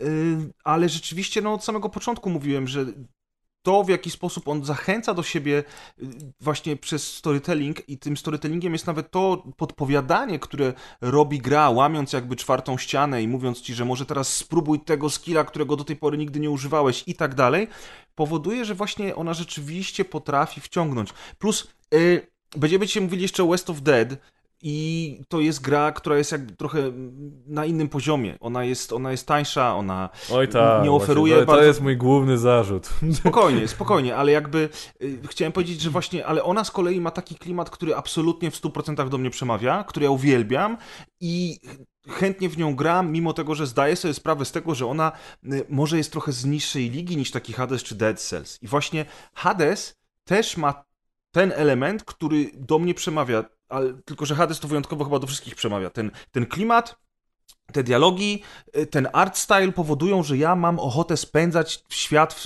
y, spędzać czas w tym świecie. Więc jakby tak, jest ten element w Hadesie, który powoduje, że chce się w niego grać i grać i grać, nawet jeżeli tak jak ja raz na jakiś czas trzeba sobie zrobić przerwę, bo jestem przekonany, że ja będę miał to samo z Hadesem, co miałem ostatnio z y, West of Dead, czyli że po dłuższej przerwie usiądę do tego Hadesa i nagle się okaże, że będzie mi szło dużo lepiej niż szło do tej pory. Bo wiecie jak to jest? Z tego typu grami trzeba czasami zrobić sobie przerwę, bo jak już naprawdę idzie źle, a będzie tak, że jesteś już zmęczony, robisz po raz kolejny powtórkę, powtórkę i powtórkę i z każdą kolejną powtórką jest coraz gorzej, coraz szybciej giniesz, robisz coraz głupsze błędy, to raz na jakiś czas trzeba sobie zrobić przerwę. I wtedy wraca się do tego tematu z jeszcze większą ochotą niż do tej pory. Czy Znowu, o tylko no? właśnie jeszcze jedne, dwie rzeczy tak Osta na szybciutko Ostatnie dom, dwie rzeczy o Hadesie w takim razie. E, tak. E, uważam mimo wszystko, że Hades potrafił e, każ, mm, jest w nim tyle elementów, e, układanki, że na każdy run potrafiłem sobie ustalić cel. Powiedzmy, nawet, nawet powiedzmy, jeżeli nie wiedziałem, że ok, raczej nie będę w stanie zabić e, hydry w asfo, as, asfodelu, to i tak mogę dozbierać ileś punktów e, ciemności, żeby kolejny atrybut sobie ulepszyć. Także też jest to fajne, że w Hadesie można te, takie cel, mini cele sobie ustalać na każdy run po prostu. E, druga rzecz, mi, e, popularność tej gry wydaje mi się jest e, też du, inaczej. Bardzo dużo gra zawdzięcza mitologii greckiej. To, to był fantastyczny strzał na motyw. Ponieważ mm, prze, przez, e, w Polsce na przykład e, cała mitologia grecka jest bardzo popularna, ale przez gry z serii God of War to jest bardzo popularny motyw. I przez Więc- Titan Questa. E, No, w sumie ale też. to trochę nie jest tak, że mitologia grecka to jest coś, z czym my żyjemy od dziecka, bo uczy się tego w szkołach. Wszyscy Iliadę i Odyseję musieliśmy przeczytać. Znamy doskonale y, Troję, wiemy kim jest Achilles, kim jest Hektor i tak naprawdę tak, to nie jest dokładnie, tak, że... ale przez to też e, przez to też e, patrzysz Hades. Znam te, po, znam te postacie. A, no to tak, oczywiście. Bardzo Ty powiedziałeś, że chętnie- w Polsce jest, mitologia grecka jest popularna dzięki serii God of War. No nie, nie do Że końca nie, nie, się nie, nie, nie mówiłem, nie, okej, rozumiem, miałem na myśli cały świat, jak powiedziałem w Polsce, to zły krąg myślowy po prostu odpaliłem. Ale miałem na myśli, że na całym świecie, że God of War też trochę disneyowski Herkules? Troszeczkę. Wiesz, bo w ogóle mit mitologia grecka była bardzo, ale to bardzo popularna przez wiele lat w popkulturze. Pamiętaj, że mieliśmy Jazona i Argonautów, mieliśmy te wszystkie filmy, Starcia 300. Tytanów. Wiesz, w końcu 300, ale 300 to przyszło później, a już w latach 70. i 80. ten e, temat był mocno eksploatowany. Teraz zwróćcie uwagę na to, że mitologia germańska, czy też mitologia nordycka, to jest ta mitologia, która teraz jest na maksa eksploatowana i w popkulturze, i w grach, i tak dalej, nie? Więc Ale może te- dlatego, że tej greckiej nie było przez chwilę, dlatego też Hades tak siadł. Na pewno, Może- oczywiście, że no. tak. Plus, plus jednak bardzo ciekawie wykorzystani są e, ci wszyscy bogowie, te relacje między nimi, To herosi. jest wszystko logiczne. I- ma to sens. Uniwersum. Jak słyszycie, Szymon jest zachwycony Hadesem, zresztą nie on pierwszy, nie on ostatni, bo to jest naprawdę dobra gra. Mm, I myślę, ale myślę, że już możemy powoli y, przejść do kolejnej. O Hadesie już było też bardzo dużo rzeczy powiedzianych. Natomiast jest parę gier, które, o których chciałbym dzisiaj z wami porozmawiać, które nie są takie popularne. I na przykład kolejną właśnie grą, y, o której będziemy sobie rozmawiali, jest gra Rad, o której na pewno nie słyszeliście, a którą stworzyło Double Fine Productions od Tima Schafera i tym bardziej jestem w szoku, że ta gra przeszła bez echa. No ja Ona- o niej pierwszy raz usłyszałem od ciebie, więc wiesz. No właśnie, prawda? Niech to będzie psycho-. O Psychonautach tylko prasa pisała swego czasu, także ich wszystkie gry przechodzą bez echa, ja mam wrażenie. Ja lubię myśleć, że jednak te ich gry są doceniane e, i oczywiście Psychonauts jest, jest, jest bardzo dobrą grą. Rad też jest super, ale Rad jednak to jest zupełnie inny poziom. No Rad jest faktycznie rogalikiem, który bierze te wszystkie rozwiązania serwowane przez inne gry, wykorzystuje je po prostu na swój sposób i robi to w swoim klimacie, co jest zresztą największą zaletą tej gry, bo ze wszystkich tytułów, o których dzisiaj będziemy mówili, Rad jest najbardziej wyjątkowy zarówno pod względem pomysłu, jak i pod względem oprawy audiowizualnej. Rad po angielsku to jest w ogóle gra, gra słów piękna, bo rad po angielsku to jest oczywiście pierwiastek radu, który wynalazła Maria Skłodowska-Curie, ale rad po angielsku w slangu oznacza też coś super, coś fajnego i gen- red. Dokładnie. I generalnie rzecz biorąc, ta gra czerpie też z klimatów, które ostatnio są już troszeczkę zbyt popularne, a, a do których jednak mam ogromny sentyment, a więc gra jest unurzana w nostalgii lat 80., retro i w synthwave'ie. I to wszystko powoduje, że ona jest wyjątkowa, bo i kolorystyka jest mocno różowawa, niebieska, zielona, VHS-owa. Możemy sobie nawet filtr włączyć CRT, żeby wszystko wyglądało jakbyśmy grali na starym, kwadratowym telewizorze i Całość jest oczywiście unurzana w strojach z tamtej epoki, w nawiązaniach do lat 80. i w oczywiście muzyce, którą bardzo polecam. Bardzo dobry soundtrack w grze Rad jest. O co chodzi tak jakby? W Rad y, wcielamy się w jedno z dzieci, które żyje już po drugiej apokalipsie. Po drugiej to jest bardzo ważne, bo pierwsza przyszła i nikt jakby nie był zaskoczony, y, o czym opowiada nam zresztą narratorka na początku gry. Nikt nie był zaskoczony, że ona przyszła, bo tak naprawdę to ludzkość sobie na nią zasłużyła. Świat się skończył. Na gruzach tego świata żyją sobie resztki ludzkości i nagle pojawiają się jakieś maszyny, które prawdopodobnie chciały ten świat naprawić. Te maszyny tworzyły życie, e, tworzyły nową roślinność, ale coś poszło nie tak. I stworzyły też całą masę zmutowanych żab, grzybów i innego gówna, z którym będziemy musieli walczyć. My, dzieci z bazy ludzkości, które wychodzimy w świat, bo jesteśmy specjalnymi dziećmi połączonymi z technologią y, tych dziwnych stworzeń, które próbowały, próbowały ten świat uratować, a tak naprawdę doprowadziły do drugiej apokalipsy. Sam pomysł już jest ciekawy. Fabularnie oczywiście to nie jest tak rozbudowane jak Hades i fajnie, że tam jest jakaś narracja, ale im dalej w las, tym mniej jest to ważne, ale mimo wszystko sam początek, sam pomysł jest na tyle oryginalny, że chce się ten świat zwiedzać.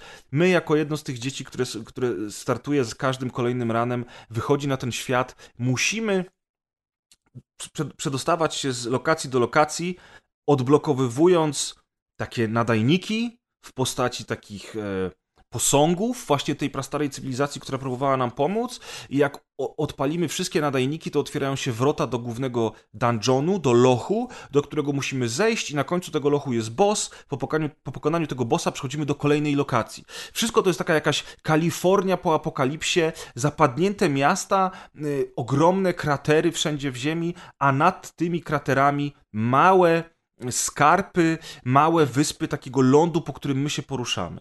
I to jest wszystko, jeżeli chodzi o świat bo tak naprawdę wiele więcej tam nie trzeba dopowiadać. Natomiast jeżeli chodzi o mechanikę, to mamy tutaj znowu wszystko, co, co, to, co w tego typu grach jest, a więc progres po śmierci, przenosi, możemy sobie zapisać pieniądze, które zbieramy. Tutaj walutą są kasety magnetofonowe w ogóle i kasety magnetofonowe służą nam za gotówkę, natomiast dyskietki, które znajdujemy, służą nam z kolei za klucze do otwierania skrzyń, w których to możemy znaleźć ekwipunek, chociażby apteczki, które nam odnawiają zdrowie, ale możemy też znaleźć tam bronię i mutacje. Mutacje są w tej grze najważniejsze, to znaczy znaczy, dostajemy experience, który rośnie nam za zabijanie przeciwników. Jeżeli wylewelujemy, to po każdym levelu przychodzi nam mutacja, która powoduje, że coś się z nami dzieje, a tak naprawdę dostajemy nową zdolność specjalną, najczęściej niestety losowo.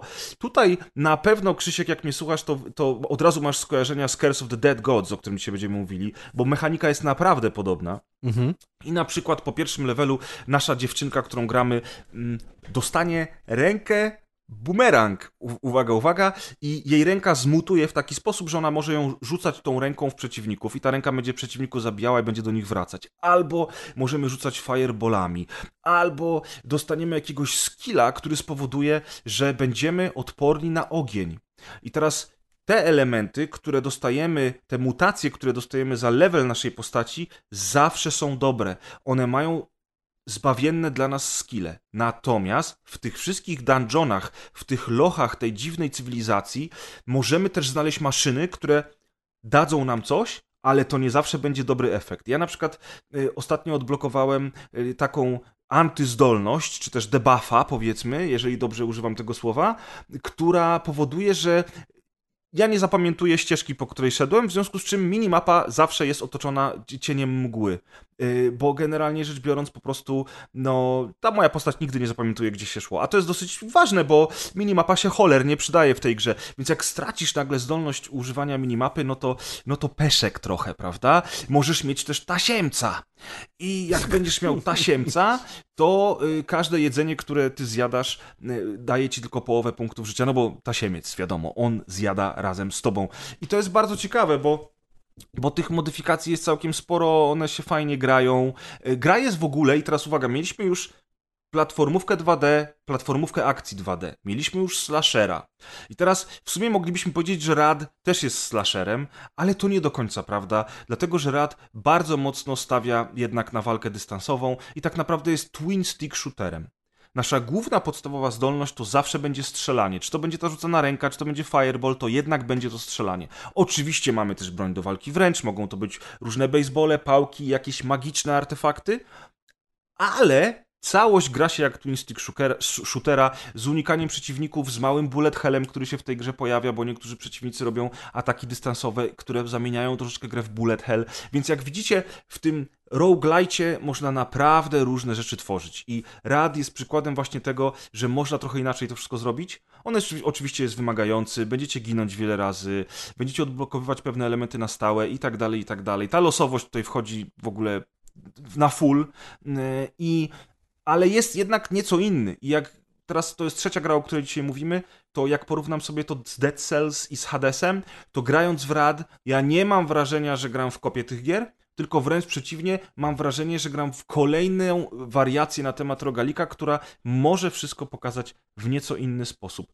Ja bym bardzo Właśnie chciał... jak tak tylko, tylko, No. tylko ci przerwę na chwilę, No jasne. bo pomyślałem, ma- mam taką rozkminę teraz, że e, rogaliki stały się jakby tak popularne ostatnio, przynajmniej w indyczych niszach, ponieważ stare gatunki, jakby stare, zwykłe twin stick shootery, zwykłe, e, zwykłe platformówki już nie są w stanie za, za, zainteresować odbiorcy.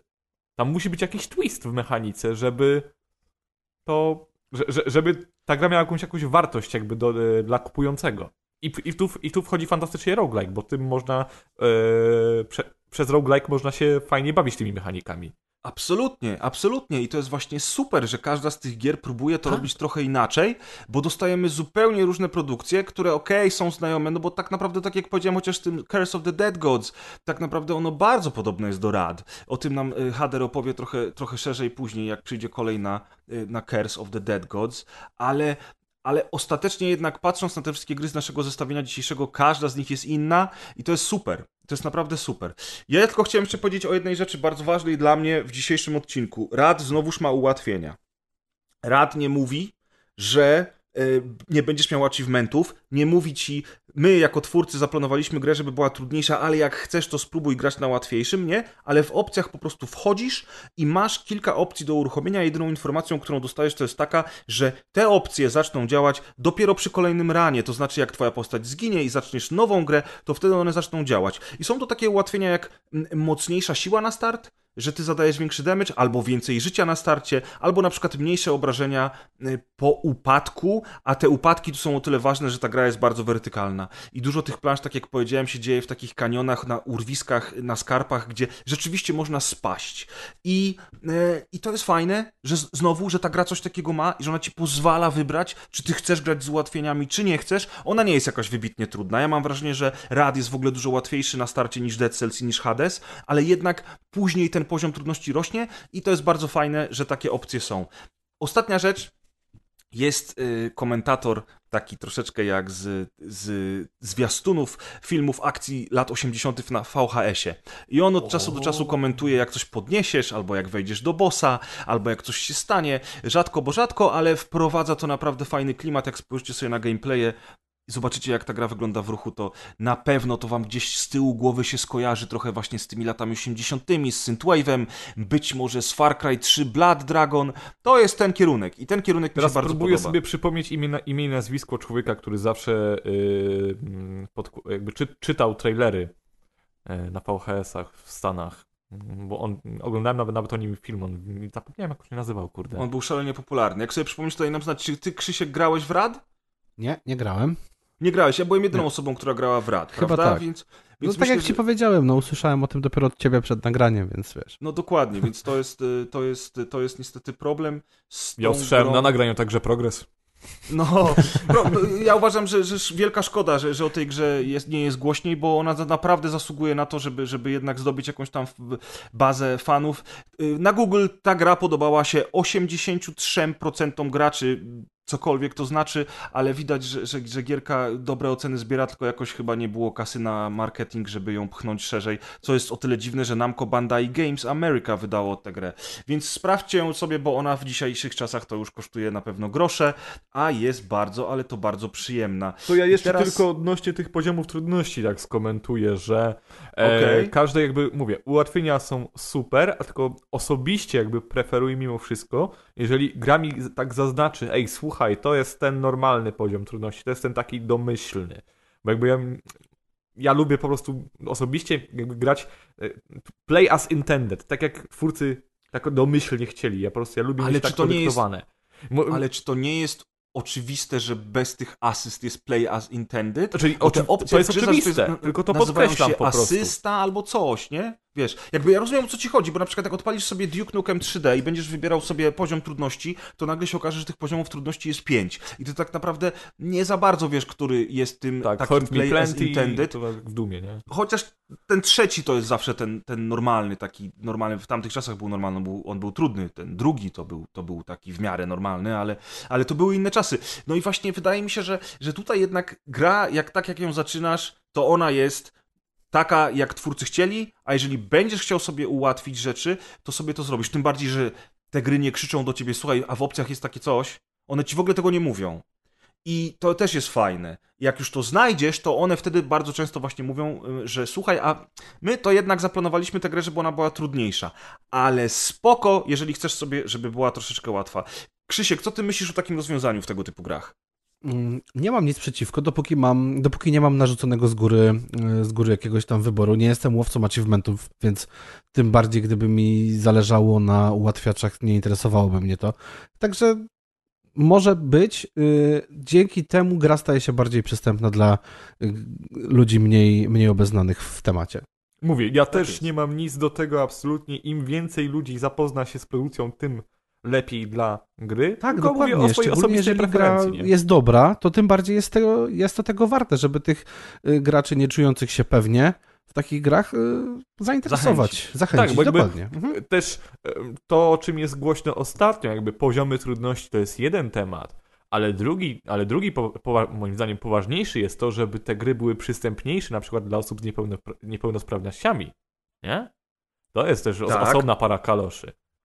Tak, to świetnie robiło w zeszłym roku The Last of Us 2, Mhm, które tak. miało całą masę udoskonaleń i, i ułatwień właśnie dla, dla, dla Podobno osób nowy Ratchet już jest tam testowo chwalony za to, ale...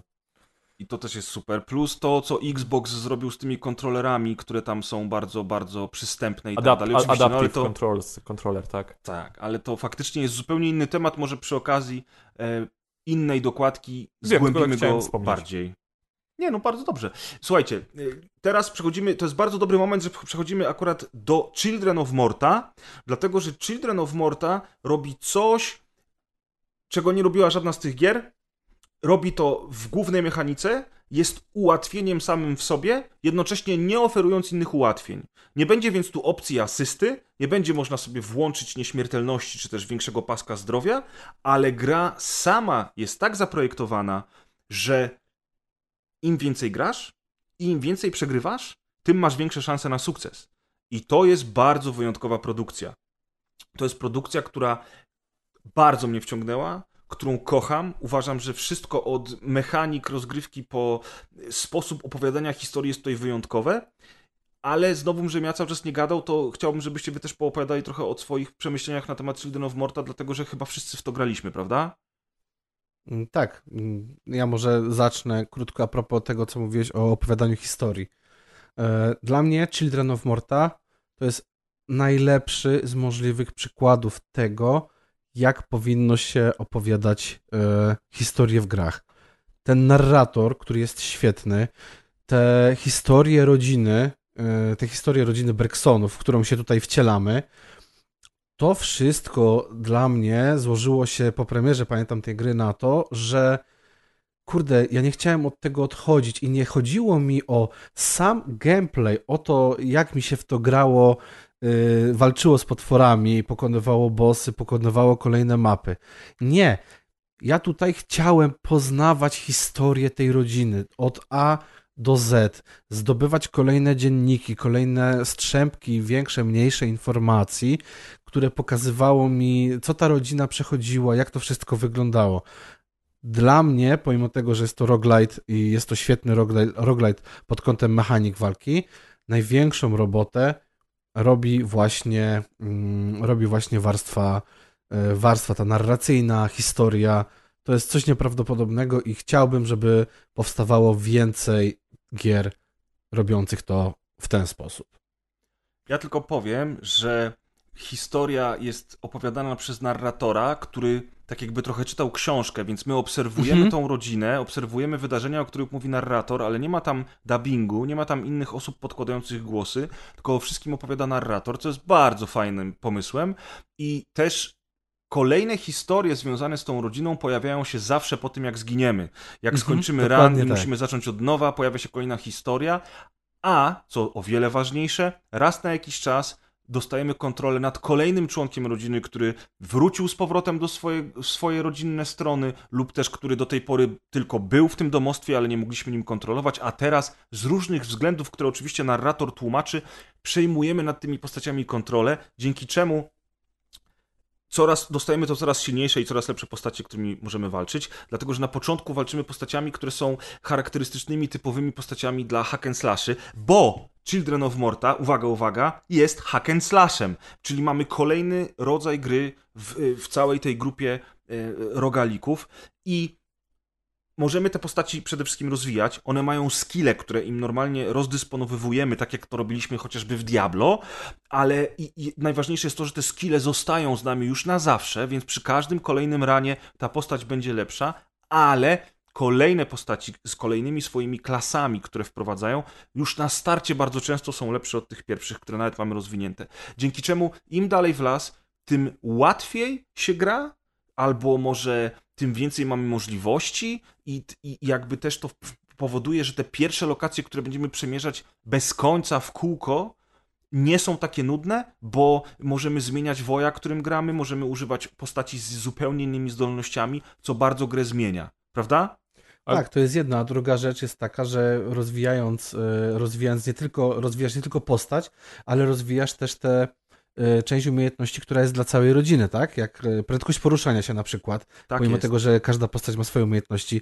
E, masz tą prędkość poruszania się, masz zadawane obrażenia i to przechodzi też na inne postacie, dzięki czemu i nawet przejmując inną postać, masz taki trochę łatwiejszy właśnie start po tych kilku pierwszych nieudanych ranach, bo coś już rozwinąłeś, poszedłeś trochę do przodu. Ten progres jest ciągle tak samo widoczny.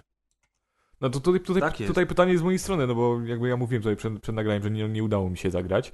E, A, czyli nie grałeś no, jednak, no, sorry. Mówi, mówi, mówiłem, mówiłem przed nagraniem, ale dobra. Dlatego ja się tak wyrwałem. Spoko, spoko, spoko. Dobrze, dobrze. Ale chodziło mi... Nie bo, zarejestrowałem tego, to ja będę bardziej, to i tak no to ja będę bardziej, pomylenie, to ja wiesz, nazwy twojego kanału, więc... Ja, ja, będę bardziej pytać po prostu. Jasne, no dawaj, dawaj. Czyli jakby progres tutaj jest bardziej, mm, no bo wspomnieliście, że jakby te, te postacie początkowe można ulepszać, ale z drugiej strony pojawiają się później silniejsi bohaterowie, czyli tak naprawdę ten progres i tak jest bardziej indykowany przez fabułę, a nie progres postaci. Tak dobrze, dobrze, dobrze to rozumiem? Widzisz tutaj jedno i drugie jest tak naprawdę ważne, bo ty grając cały czas rozwijasz te postaci i tak jak powiedział Hader, nie tylko swoje indywidualne skille, ale też skille pasywne, które są dla całej rodziny, dla, całej rodziny. dla każdej Aha, postaci, no, okay. którą będziesz y, sterował. Ale jednocześnie Każda kolejna śmierć, każde kolejne twoje niepo, niepowodzenie pcha do, do, do przodu, pcha fabułę, która to odkrywa przed tobą nie tylko tajemnice historii tej rodziny, czyli tak naprawdę w bardzo podobny sposób jak Hades chwyta cię w swoje sidła, bo ty chcesz wiedzieć, co będzie dalej, ale jednocześnie też pod, podstawia ci nowe postaci, które oferują nowy styl po prostu gry i nowe zdolności. Kumasz. Więc jakby tak, tak, jedno tak. i drugie jest tutaj, jest tutaj ważne i nie, nie będziesz tutaj miał tego takiego właśnie odblokowywania broni, których będziesz potem chciał używać, tak jak to było w Dead Cells, czy nawet w Hadesie. Nie będziesz tutaj zostawiał punkcików na jakieś specjalne rzeczy w Hadesie, jak, jak to było, kiedy zostawiałeś ciemność. Ale będziesz normalnie rozdysponowywał swój, swoje levele, sw swój experience w zdolności, które na zawsze już będą z tymi postaciami zostawać. Mhm. Czyli fokus jakby, mówię, fokus na te zdolności i na fabułę. Zupełnie, zupełnie, zupełnie inne przerzucenie ciężaru niż w Hadesie albo w Dead Cells. No chyba tak, prawda, Krzysiek? Tak, zgadzam się. Zgadzasz się, widzisz. Ja chciałem tylko jeszcze powiedzieć, że jedną bardzo ważną rzecz, poza oprawą pixelartową, która jest, która jest bardzo, bardzo zacna. Ja to też mi się wydaje, że to jest trochę syndrom Przywodzi w ogóle na myśl te Another Worldy. Tak. Przywodzi, tak, mhm. ale to, to jest tak, trochę tak. syndrom sztokholmski z jednej strony, że, że my zaczynamy chwalić te pixel arty, chociaż już mieliśmy wszyscy ich dosyć powoli. Natomiast trzeba przyznać rację, że zarówno Dead Cells, jak i Children of Morta, które są pixelartowe, robią to po prostu bardzo dobrze i w bardzo wyjątkowy sposób. Jak widzisz Children of Morta, to od razu wiesz, że to jest ta gra i nie pomylisz się z żadną inną grą.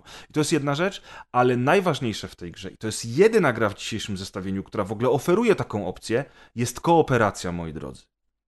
I niestety kooperacja tylko lokalna. Zagramy więc na jednym komputerze albo na jednej konsoli na kanapie. Nie zagramy online, chociaż twórcy powiedzieli mi, że jeszcze A w tym roku. Play na Steamie?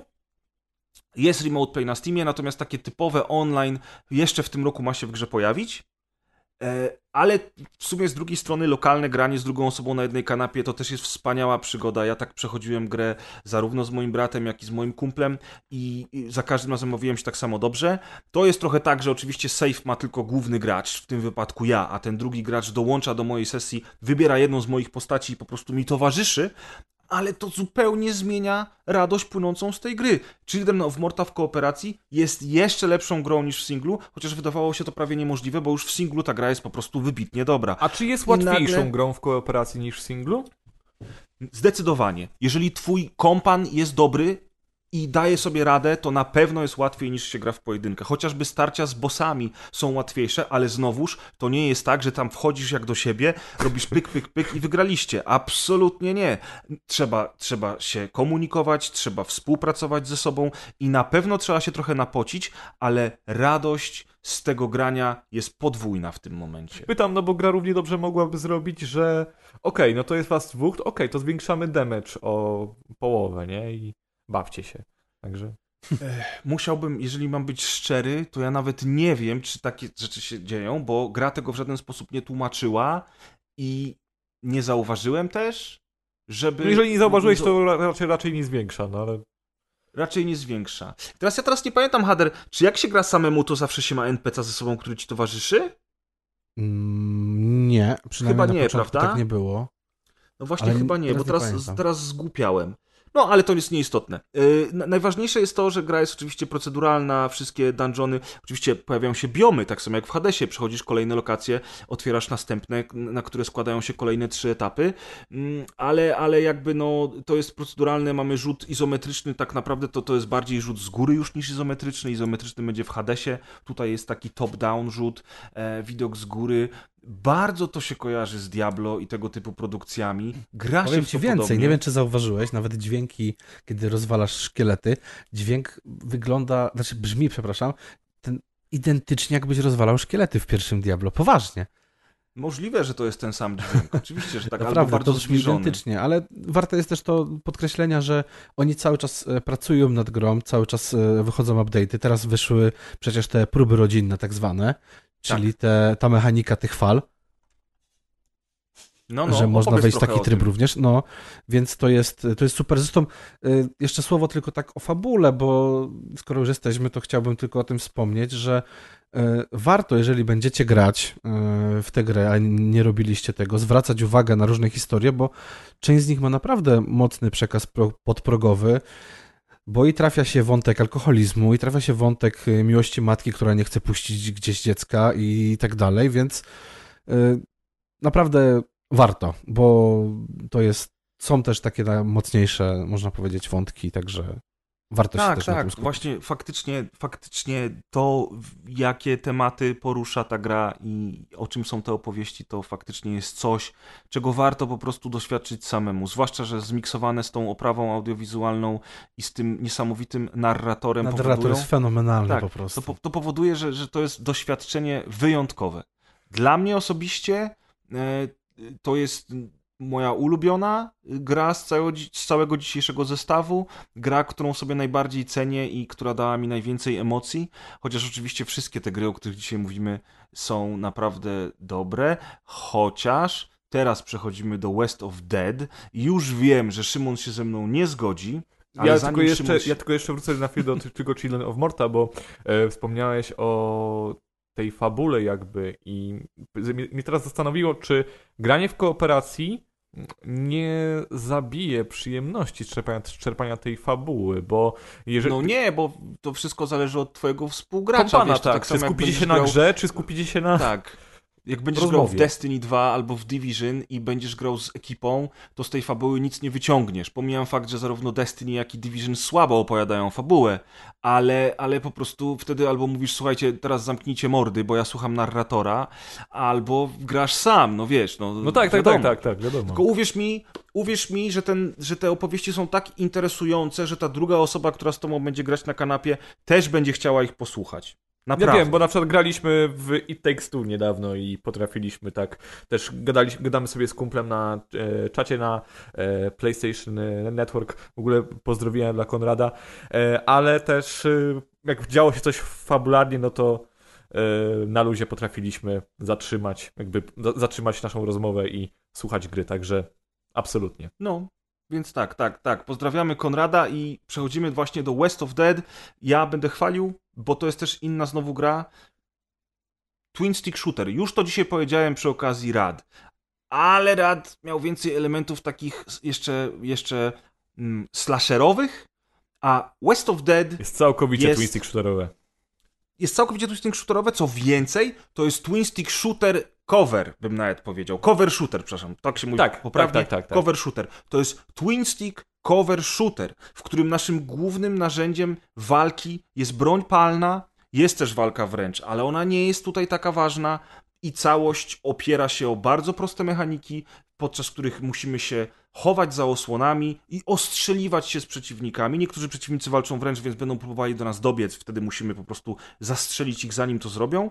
Yy, ostrzeliwać się z przeciwnikami za osłon, które są niszczalne, więc większość osłon na każdej planszy prędzej czy później ulegnie zniszczeniu i my musimy tak to rozegrać, żeby pokonać wszystkich i nie dać się trafić. No to jest proste, no to jest twin stick shooter po prostu. Ale jest to też roguelite, bo po każdej śmierci zaczynamy przygodę od nowa, oczywiście zapisując postęp w postaci wydawania expa, który wydajemy na pukawki, które będziemy na samym starcie sobie wybierać, ale zdobywamy też runy i zdolności, które o których gra nas informuje, że, że one na stałe zostaną z nami już i takimi zdolnościami jest chociażby możliwość teleportowania się pomiędzy wszystkimi checkpointami na każdej mapie oraz y, noszenie przy sobie buteleczki z życiem, którą możemy raz użyć i potem y, w hubie pomiędzy misjami musimy sobie tę buteleczkę uzupełnić dokładnie tak samo jak było to w Dead Cells. Y, ja powiem tak, to jest prosta gra, dosyć niszowa, ona ma ciekawą fabułę tak naprawdę. To nie będzie gra, która opowiada fabułę jak Hades czy jak Children of Morta, nie, ale ona ma całkiem ciekawą fabułę klimatyczną i opowiada po prostu o facecie, który był szeryfem i który zginął e, i w piekle, czy też w czyśćcu szuka tego faceta, który go zabił. To jest takie połączenie west, westernu z Ghost Riderem trochę. Tak, to jest, tu jest horror, tu jest western i przede wszystkim jest tu kreska graficzna, która strasznie przypomina mi pracę Majka Mignoli, twórcy Hellboya, przez co hmm. natychmiast zakochałem się w tej oprawie. Jest mroczna, jest prosta, ale niesamowicie klimatyczna i wisienką na torcie tego wszystkiego jest głos głównego bohatera, narratora gry, bo głosem tym jest aktor Ron Perlman. Czyli ten, którego znacie z wielu filmów i seriali, a w Giereczkowie kojarzycie go na pewno jako narratora, który w każdym Falloutie, prawie każdym, mówił zawsze War, war never changes. I ten pan jego głos i ta oprawa graficzna, która w tej grze jest, plus muzyka, całkiem przyjemna muzyka, absolutnie w klimacie westernowym, powodują, że ja po prostu w to gram z ogromną przyjemnością. Ale, hmm? już kończę, sama mechanika moim zdaniem też jest na tyle przystępna i przyjemna, że fajnie się w to gra i chce się więcej.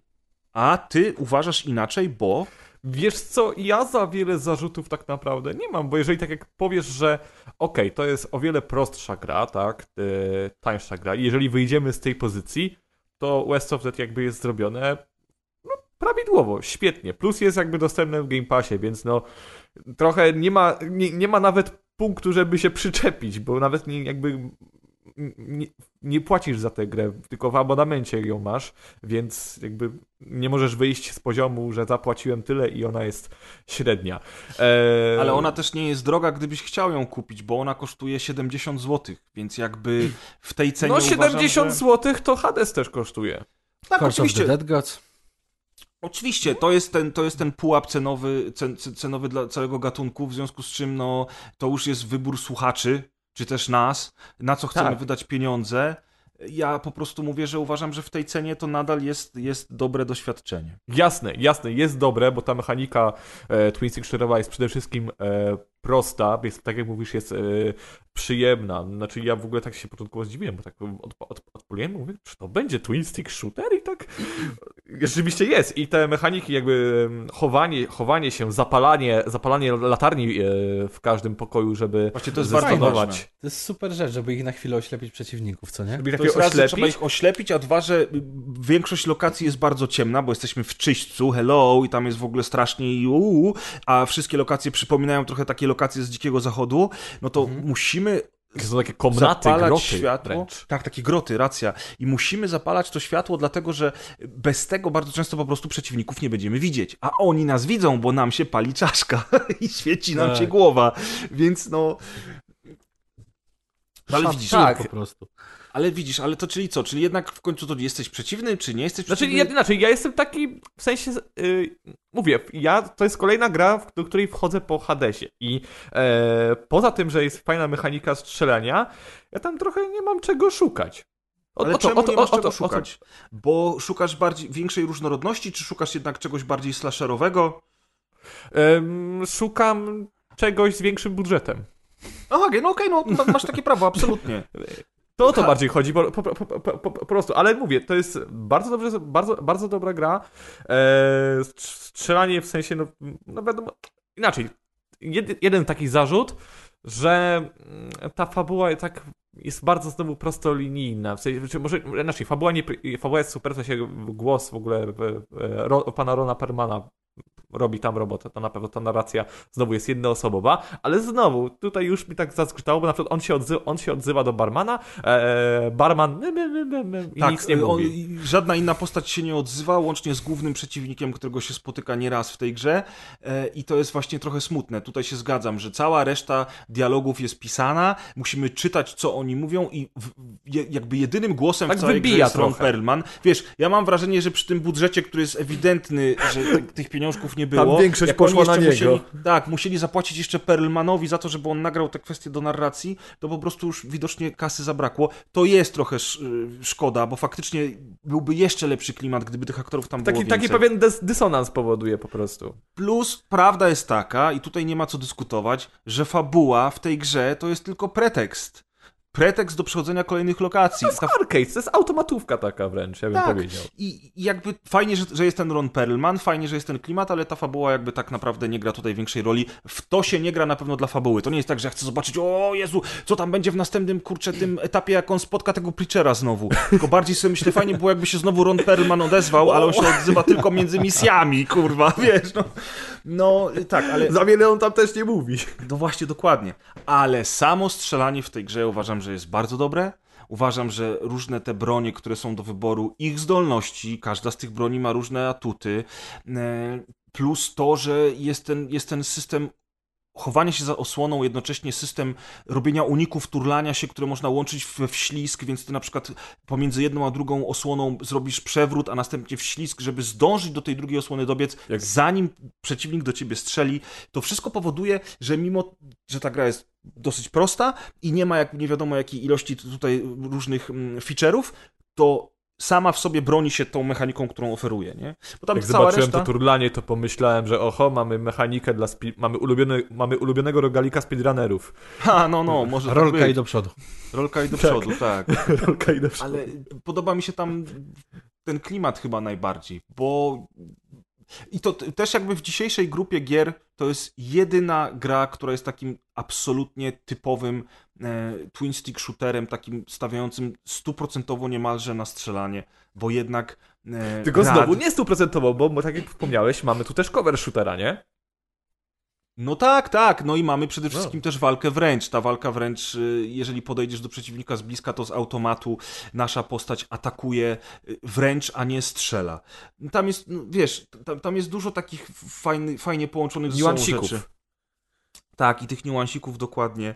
I tych takich jakichś... E, tam też jest bardzo dużo z Metroidvanii, bo od samego początku spotyka się tak. miejsca, do których nie można się dotrzeć, nie można dotrzeć, przepraszam, i y, jest informacja, że żeby dostać się, to musisz mieć coś. I Albo wchodzisz takie, do miejsca i okazuje się, że to jest ślepa uliczka i Tak, tak. musisz się się cofać. teleporty, które pozwalają ci się cofać. Te same teleporty były już właśnie w Dead Cells, więc tutaj mamy faktycznie w tym West of Dead tych gatunków miesza się sporo, ale no jednak, jakby, jakby nie patrzeć, najważniejsze w tym wszystkim jest tutaj strzelanie, dlatego on jest całkiem wyjątkowy w tym Takie zestawieniu. pytanie bonusowe do was, bo, bo tak odnośnie West of Dead, tak teraz wspomniałeś tutaj Metroidvanii. Lubicie się zgubić w grze? Hmm, to zależy. To zależy, bo na przykład ja mogę się zgubić w Skyrimie albo w Wiedźminie i wyjechać gdzieś, wiesz, e, na jakąś polanę nagle, albo zobaczyć jakiś wodospad i spróbować tam się dostać. No tak, ale cały czas, masz, cały czas masz mapę, więc wiesz. Wiesz, gdzie wrócić. Tutaj też jest mi, mapa. Tutaj też jest mapa. Dokładnie. tak. Możesz sumie ma, tak. masz, masz minimapę w rogu, a jeszcze możesz ją, jak wciśniesz start, to możesz sobie odpalić tą mapę na Odpalasz sobie pełen ekran. Tak, i widzisz, gdzie jest. Ale jest No. dużo takich Metroidvanii, których tych, tych map nie było, nie? Jak ja pamiętam, jak odpaliłem Hollow Knighta, to ja się za głowę złapałem, że nie, gram pół godziny i już nie wiem, gdzie jestem. Także Ja się nie lubiłem gubić w Hollow Knightie, ale w Hollow Knightie mogłeś po jakimś czasie kupić mapę, także to też nie było takie strasznie problematyczne. Tego typu grach, jeżeli mam być szczery, to nie przepadam za takim krążeniem bez celu i szukaniem wyjścia, czy też kolej, kolejnego punktu, do którego muszę podejść. Oczywiście Metroidvania na tym polega, więc to nie jest tak, że teraz ja mam wiesz, pretensje. co, się- wiesz, co, wiesz, w co chodzisz, nie? Tak jest. I wiesz, na przykład właśnie w West of Dead na początku, dopóki nie pokonasz pierwszego bossa i nie dostaniesz tej runy, która pozwala ci się teleportować pomiędzy checkpointami, to bardzo często pójdziesz w jakiś kozi róg i będziesz musiał wracać ze ślepej uliczki przez pół mapy, żeby skręcić gdzieś tam dalej w prawo i, iść do kolejnego miejsca, w którym coś się będzie działo. No ale wiesz, tak nawet w pierwszym Diablo już było. No tego typu gry No tak, tak, tak. mają tak, to do siebie. Natomiast, więc okej, to jest jakby chyba najbardziej budżetowa produkcja z dzisiejszego odcinka, ale, ale też dosyć wyjątkowa ze względu na klimat i na gameplay, więc ja bym naprawdę chciał zachęcić do tego West of Dead, tak jak Szymon powiedział, macie to w Game Passie. W Game Passie jest też Children of Morta. A my przechodzimy, Owszem. a my przechodzimy jest, do, tak, tak, do, tak. do ostatniej gry dzisiejszego odcinka, jednocześnie do w sumie najnowszej gry, która wyszła teraz, na dniach. E, No i w main event dla Krzyśka. Tak jest, to jest main event dla Krzyśka. Krzysiek grał najwięcej, ja grałem dużo. Szymon, ty nie grałeś w ogóle chyba, prawda? Nie miałem przyjemności. Nie miałeś okazji. Dobrze, jeszcze będziesz miał okazję, a teraz Krzysiek nam opowie co nieco o Curse of the Dead Gods. Mówiliście przed chwilą na temat, e, rozprawialiśmy na temat e, fabuły, na temat podawania informacji w, w roguelite'ach i tak dalej. No to na dzień dobry rzucę wam informacją, że Curse of the Dead Gods nie ma fabuły. Tak Nie wiemy, w kogo się wcielamy. Jedyne informacje, jakie dostajemy, są z bestiariusza e, po, po, po tym, jak pokonujemy e, przeciwników. I to jest na dzień dobry mój największy zarzut do tego tytułu, bo my nie wiemy tak naprawdę, po co tam jesteśmy. Po co wchodzimy do piramidy, która ma trzy różne biomy i po co chcemy pokonywać kolejnych przeciwników i tych czempionów tak naprawdę. To jest, to jest nam niepowiedziane i to jest na dzień dobry mój zarzut, ale żeby nie było, że się tylko czepiam, co miałem kiedyś w zwyczaju, to powiem, co w Curse of the Dead Gods jest świetne. A świetna jest walka. Walka i dziesiątki broni z różnymi modyfikatorami, które pozwalają nam na różny sposób eksterminacji przeciwników, włącznie z tym, że możemy ich pokonywać za pomocą mm, posągów, które spotykamy na swojej drodze, które kiedy wejdziemy w ich pole rażenia, zaczynają e, na przykład strzelać e, z jakichś tam trujących oparów lub uderzać e, włócznią. To zadaje nie tylko obrażenia nam, ale i przeciwnikom. Możemy poprzez rozwalanie urn wypełnionych węglem i strzelenie do nich lub uderzenie czegoś, uderzenie czymś z obrażeniami od ognia i odpowiednim uskokiem również możemy zadać obrażenia. Możemy też biec przez pułapkę i zrobić rolkę w odpowiednim momencie, dzięki czemu my nie dostaniemy obrażenia, ale nasz przeciwnik już, już owszem. I... Ale poczekaj, poczekaj. Chwilę, Tak. moment. Najważniejsza rzecz w tej grze to konieczność walki w świetle, prawda? Właśnie, To wszystko, o czym że ty mówisz. Niekoniecznie. No, gra uczy nas na samym początku, że jeżeli będziemy mieli źródło światła, czyli naszą pochodnię, lub też zapalimy lampiony, które znajdują się wszędzie na mapie, czy też tam nie wiem jak to nazwać fachowo, te, te takie misy z, z węgielkami, które rozpalamy, to my zadajemy większy damage, a jednocześnie dostajemy mniejszy damage. Natomiast jeżeli będziemy walczyli z potworusami w ciemności, to dostajemy baty. I to jest jedna wielka nieprawda, Grzesiu. No to, oho, to opowiadaj. No właśnie. Ponieważ klątwa martwych bogów, jak taki chamsko na polsko przetłumaczony tytuł wskazuje, Dobrze przetłumaczony. Prawie jak klątwa tak Doliny naprawdę- Węży. A gdyby, gdyby polscy tłumacze to tłumaczyli naprawdę, to pewnie by to się nazywało Szklana Mroczna pułapka. pułapka. Dokładnie tak. W każdym razie mm, to jest kłamstwo, to co powiedziałeś, y, to co, to jest, no może nie też kłamstwo, to jest Zarzucasz wprowadzenie, kłamanie? wprowadzenie w błąd, ale nie twoje celowe, tylko w związku z tym, że nie grałeś w to tyle, mm, co ja. Dlatego uważam, że jest to wprowadzenie gracza w błąd. Dlaczego? Ponieważ y, są bronie, a także są klątwy, które, którymi będziesz y, dotknięty jako postać, które sprawią, że i tak nie będziesz miał pochodni w ręce, bo stracisz ją poprzez klątwę. Są też y, takie miejsca, gdzie nie warto mieć w ogóle żadnego źródła światła, ponieważ dostaniesz y, miecz, który zadaje 20% więcej obrażeń w ciemności. Okej. I z jednej strony jest to utrudnienie, bo ty nie widzisz pułapek. To jest przede wszystkim. Te pułapki na ziemi szczególnie, y, te kolce, widzisz dopiero w ostatnim momencie. Masz dosłownie ułamek sekundy, żeby zareagować. Jak się Zgadza do tego się. przyzwyczaisz, to okej i jesteś w stanie tego unikać. Y, Natomiast zadawanie, y, wiesz, zadawanie obrażeń w ciemności lub y, zadawanie obrażeń w ciemności często jest premiowane. I to dużo częściej niż zadawanie obrażeń w źródle światła. Bo jak trzymasz pochodnie, to nie możesz walczyć. Ponieważ Możesz trzymasz, podpalać przeciwników. możesz tylko podpalać, ale to zadaje naprawdę małe obrażenia.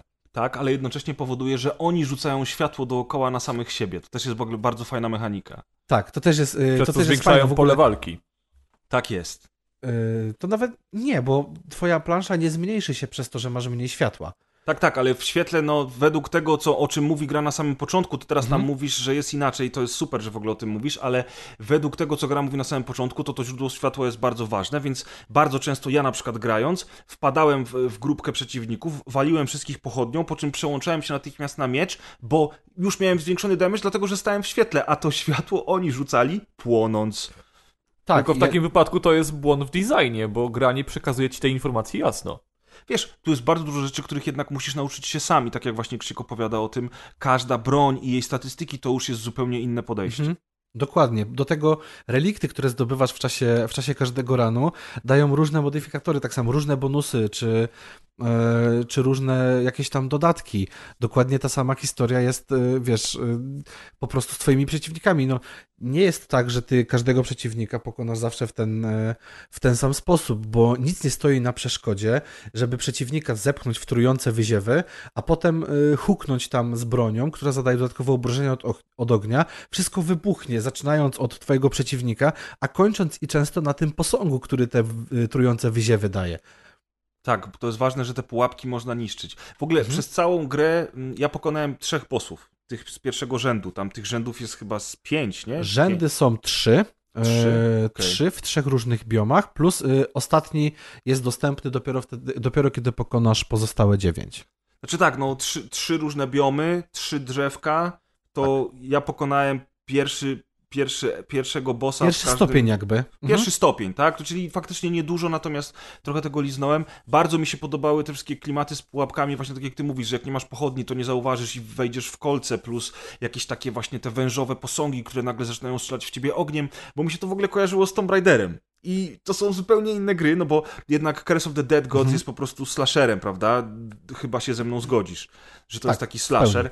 Mm, Zresztą w rzucie izometrycznym, więc koło Tomb Raidera nawet nie stał, a ten klimat jakiś takich właśnie tutaj Ameryki Południowej i tych, tych dziwnych takich zabytków, tych, tych, tych świątyń, które się Tajemnic, zwiedza. pułapek. Tak jest, bardzo fajne. Faktycznie fabuły tu nie ma w ogóle. Ta gra to No, chyba... a, ta, a ona się prosi o to, co nie? Ale ona chyba to jest jedyna gra w dzisiejszym zestawieniu, która absolutnie nic nie ma fabuły. Nic Tak, a nic. Dokładnie. Dokładnie tak jest. Ja, ja jestem, jestem dokładnie tego samego zdania. Nawet mówiłem to Szymonowi przed nagraniem, że to totalnie nie ma nic, nic fabuły i to jest mój największy zarzut do tego, bo te lokacje, ta cała piramida, tak dalej, to wszystko się dosłownie prosi o jakieś e, fajne wytłumaczenie tego wszystkiego, jakąś fajną historię i bardzo duża, e, bardzo duża szkoda, że tego, że tego nie ma po prostu. No. Wiem, że dla mnie to byłby duży minus, ale z drugiej strony, jeżeli gameplayowo ona jest tak w stanie wciągnąć e, samym gameplayem, to też ogromne kudosy dla niej. No właśnie, właśnie, bo to jest najśmie- najśmieszniejsze, że na początku dzisiejszego nagrania ja mówiłem o tym, że co powoduje, że te rogaliki powodują, że ja chcę przy nich zostać i bardzo często to jednak sposób opowiedzenia fabuły był, a tutaj w tej fabuły w ogóle nie ma, a mi to jednocześnie absolutnie nie przeszkadza, bo po tych ostatnich paru latach obcowania z rogalikami, przyzwyczajenia się do nich, może to jest trochę syndrom sztokholmski, nie wiem, ale to jest też trochę to, że, że te rogaliki się robią coraz lepsze, coraz bardziej rozwinięte, ja poznałem ich coraz więcej, więc też po prostu nauczyłem się lepiej grać, to siadając do Curse of the Dead Gods, ja absolutnie nie mam problemu z tym, że ona nie opowiada fabuły, nie mam problemu z tym, że bardzo dużo rozwiązań widziałem już w innych grach, bo ja to widziałem w Dead Cells, ja to widziałem w Rad i w paru innych tytułach i to wszystko jest tutaj wzięte, po prostu wrzucone do tej gry i ona po prostu mówi jestem rogalikiem, znasz te mechaniki, ale teraz zobacz, jak ja ci fajnie to wszystko zaserwuję, a kto by się jakąś tam fabułą w ogóle przejmował, nie? Tylko kolejne pytanie. Czy dla graczy, którzy nie są zaznajami z rogalikami, Curse of the Dead, Curse of the Dead Gods będzie atrakcyjne? Yy, tak i nie. Jeżeli nie są zaznajomieni za, z rogalikami, to prawdopodobnie po tę grę w ogóle nie sięgną, bo oni nie no, ale załóżmy, po, za, załóżmy, że no nie wiem, gdzieś ktoś utknął na Steamie i... Tak, y, to jest, to jest kolejna gra, która ma mnóstwo opcji ułatwienia rozgrywki. Ona to już się nie pierdzieli, bo tutaj możesz sobie włączyć nawet nieśmiertelność. Dosłownie Naprawdę? możesz włączyć nieśmiertelność, tak. Ona Dobrze wiedzieć, informuje, bo ja w ogóle chyba w opcjach gdzie siedziałem. Ona, ona informuje cię oczywiście, jak wejdziesz w te opcje asysty, że Aha. twórcy założyli, że tę grę powinno się przechodzić tak, jak ona jest w oryginale zaplanowana. Natomiast, jeżeli chcesz, to użyj sobie tutaj tych opcji, ale nie będziesz miał achievementów. Ja mówię, no i spoko. I wchodzę. A tam są takie opcje, że na przykład możesz sobie y, dać większy pasek życia na starcie. Możesz dać sobie większy damage, możesz y, dać sobie większą ilość jakby klątwy, to znaczy zaraz bo o tej mechanice klątwy musimy jeszcze powiedzieć, jakby, tak. że ta klątwa będzie ci się rzadziej po pojawiała, bo ona ci dużo wolniej przyrasta, ale najśmieszniejszą opcją, tak naprawdę naj najbardziej zaskakującą dla mnie jest to, że dosłownie możesz włączyć sobie nieśmiertelność i twoja postać nie zginie. Będziesz mógł więc grać, grać, grać, ucząc się mechanik, ucząc się bossów, ucząc się wszystkiego. I gdzieś tam z tyłu, z jednej strony, jestem właśnie ciekaw waszego zdania, bo z jednej strony w przypadku nieśmiertelności cały sens rogalika przepada, prawda? No tak. A z drugiej strony odpowiadając na pytanie Szymona, jeżeli ktoś nie zna tego gatunku, nie lubi się stresować, chciałby tę grę poznać, to czemu nie? Skoro to jest tylko opcja, a nie coś, co jest tam defaultowo, prawda? Co wy myślicie o tym? Moim zdaniem bardzo dobrze. W sensie, ja też chciałbym zwrócić uwagę na to, jak, jaką w ogóle cheaty w grach drogę przebyły, tak? Że wcześniej to były jakieś dziwne kombinacje przycisków, które się wklepywało, a teraz twórcy sami je wrzucają, żeby e, zwiększyć gr potencjalne grono odbiorców gry. E, to, jest, to jest pierwsza sprawa. Druga, taki cheat na ziemi nieśmiertelność. E, z jednej strony, no wiadomo, no przeleci, przelecisz sobie grę bezproblemowo, ale z drugiej może, może to na przykład pomóc, nie wiem, gdy chcesz grać uczciwie, ale jest jakiś, wpadasz na jakiś trudny moment i na nieśmiertelności możesz go poznać, by potem w następnych przejściach sobie z nim radzić. Dokładnie. Także why not? Tu jest jeszcze coś bardzo dobrego, bo tak jak mówiłem w przypadku rad, wszystkie te asysty uruchamiają się dopiero przy kolejnym ranie. Tutaj przełączasz te rzeczy w locie i tak naprawdę, jeżeli będziesz już na trzecim bosie i nie chcesz stracić tego progresu, boisz się, chciałbyś go poznać za, za pierwszym razem, jak się z nim walczy, to możesz sobie włączyć nieśmiertelność tylko na tym bosie, potem idziesz do kolejnej komnaty i tę nieśmiertelność natychmiast wyłączasz. I dalej grasz według zasad, którą utworzyli twórcy na starcie. Ale właśnie ta jakaś taka, nie wiem, ten komfort tego, że możesz sobie włączyć tę nieśmiertelność, jest bardzo spoko. Ja co prawda nie widzę sensu przejścia całej gry na nieśmiertelności, bo gdzieś tam radość z tego grania umyka, ale tak jak ty mówisz, w pewnym momencie potrzebujesz tego, włączasz na chwilę, wyłączasz. Czemu nie? Tym bardziej, że rzeczywiście jest za to kara, tak? No nie ma tych achievementów, co jak już ustaliliśmy, my mamy gdzieś, ale większość graczy jednak nie. Większość? Wydaje mi się, że większość graczy ci powie, że nieśmiertelność jest B, y, szkoda, że achievementów nie ma i dlatego będę grał, wiesz, będę grał A, ty na mówisz o tych zasadach. Graczach. Tak. Nie wiesz, bo, bo na przykład, y, kurczę, nie wiem, to jest fajne, że ludzie chcą się doskonalić i że chcą być coraz lepsi w tej grze. Zobacz, Krzysiek nawet nie wszedł nigdy znaczy, w te opcje, On nie wie, że tam jest taka opcja, Ja bo Krzysiek dopóki gra... mi teraz nie powiedział Grzesiek, to nie wiedziałem, a przecież tukłem to na streamach jak dziki, nie? No i wiesz, i, i, fajne jest to, że ty będziesz się z tą grą e, ścierał i mierzył i uczył się tak długo, aż będziesz na tyle Ale dobry, żeby mi- sobie z nią poradzić. Nie chodzi mi o to, bo wiesz, to, wiesz, wiadomo, jakby chodzi mi o takie postawy, że ktoś wchodzisz i mówi, no ale jak ty możesz tak w, w nieśmiertelność grać? Tak się powinno grać w tę grę, to jest jeden określony sposób, a jak nie grasz inaczej, to równie dobrze możesz ją oddać i... No to jest, to jest, to jest jakaś głupia O, o takich szkodliwych elitarność, tak, jakaś głupia elitarność, która, nie wiem, powoduje, że, że, że ci gracze nie wiem, myślą, że dzięki temu są lepsi, że są wyjątkowi, że, że po prostu cokolwiek im to daje, to jest to jednak toksyczne i szkodliwe. I tak mi, niestety... mi na myśl zawsze przy, przy takiej dyskusji przychodzi seria Devil May Cry, bo e, z jednej strony możesz tam e, talakować te poziomy, e, robić każdy etap na eskę, ale z drugiej strony, co się stanie, jak, przej- jak uda ci się po prostu przejść grę tam na C, B? Masz, każdy ma swój fan z rozgrywki. Czy wiesz, y, kiedyś dawno temu gry polegały na high scorach i nawet już w Pong chodziło o to, żeby zdobyć więcej punktów od przeciwnika. Więc ta kultura bicia rekordów w giereczkowie jest od zawsze i to jest spoko, tak długo jak ona się nie robi toksyczna, co na przykład moim zdaniem jest bardzo powszechne wśród fanów Dark Soulsów, ogólnie pojmowanych i takie kreowanie elitaryzmu, który jest bez sensu, bo to nie jest żaden elitaryzm.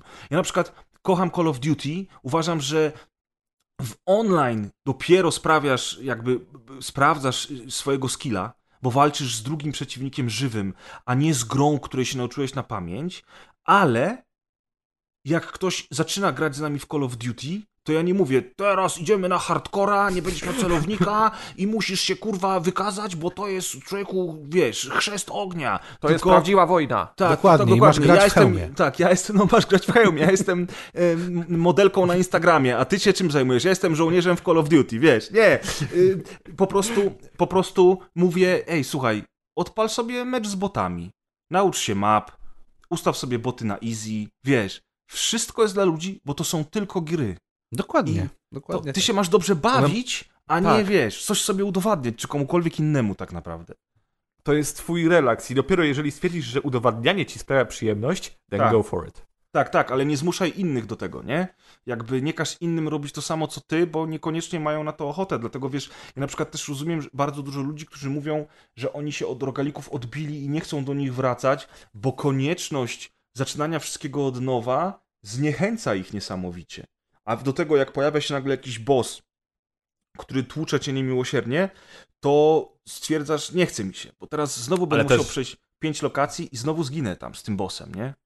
Jest jeszcze jedna rzecz, słuchaj. Co innego, jeżeli e, przejście rogalika, jakby jeden run trwa pół godziny, 40 minut, a co innego, to jak w ret- w Returnalu, to może trwać 5, 6, 7 godzin. No proszę. Właśnie Returnal to jest coś, o czym chciałem z wami porozmawiać. Żaden z nas w to nie grał jeszcze. A no, Nie. najpierw ja musiałbym konsolę najpierw mieć, także. No Ja też. Ja tak samo, więc jakby no to jest ekskluzyw na PlayStation 5, żaden z nas tego nie posiada. To jest teraz bardzo głośna gra z dwóch względów. Raz, że Housemark robi świetne gry i bardzo dobre.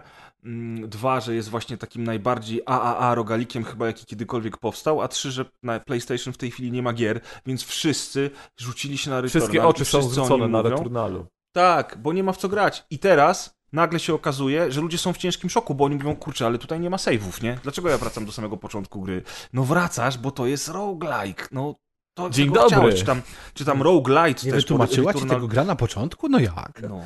Więc, więc wiesz, y, jakby no, ale jestem ciekaw, w jakim kierunku to pójdzie. Czy, czy, czy Returnal będzie jedyną gr grą tego typu w takim segmencie AA, y, która po prostu z racji tego, że nie ma w tej chwili żadnej konkurencji, za, zabłysnęła bardzo mocno i jest na językach wszystkich, czy może jednak, a potem się okaże, że ludzie stwierdzą, no nie, no dajcie nam tego Ratcheta i Clanka, dajcie nam nowy Uncharted, nie każcie nam grać w coś takiego, bo to jest za trudne. Właśnie Czy- chciałem. No.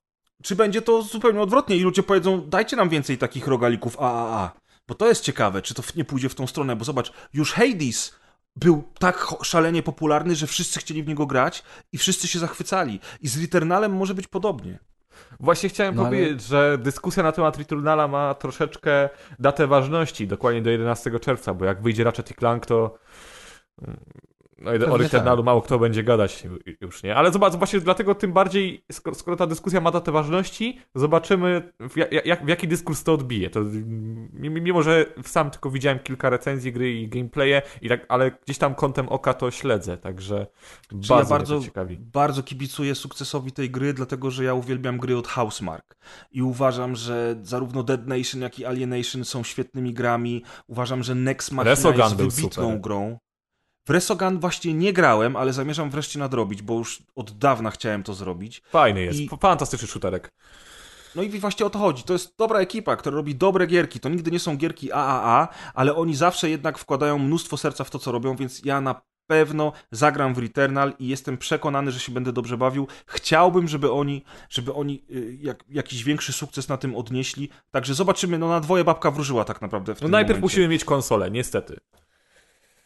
To jest prawda. Jeszcze tylko o tym Curse of the Dead Gods, że ta, ta klątwa główna właśnie, to jest ten element, który był też w rad, y, że rośnie nam klątwa po przechodzeniu przez lokację, klątwa rośnie nam też po niektórych atakach przeciwników, Tak, bo mhm. przeciwnicy atakują albo zwykłym damage'em, albo damage'em z klątwy, przez co możemy na przykład w ciągu jednego pomieszczenia zmutować trzykrotnie, jeżeli będziemy słabo grali. Możemy. A No możemy też mutacje- zginąć przez obrażenia od trucizn na przykład, tak? Bo Możemy. te modyfikatory oni również, oni również mają. Dokładnie. Tak jest, tych modyfikatorów trochę jest. Natomiast ostatecznie te modyfikacje, które tutaj nazywane są klątwą, zawsze są losowe i one niestety będą dobre albo złe.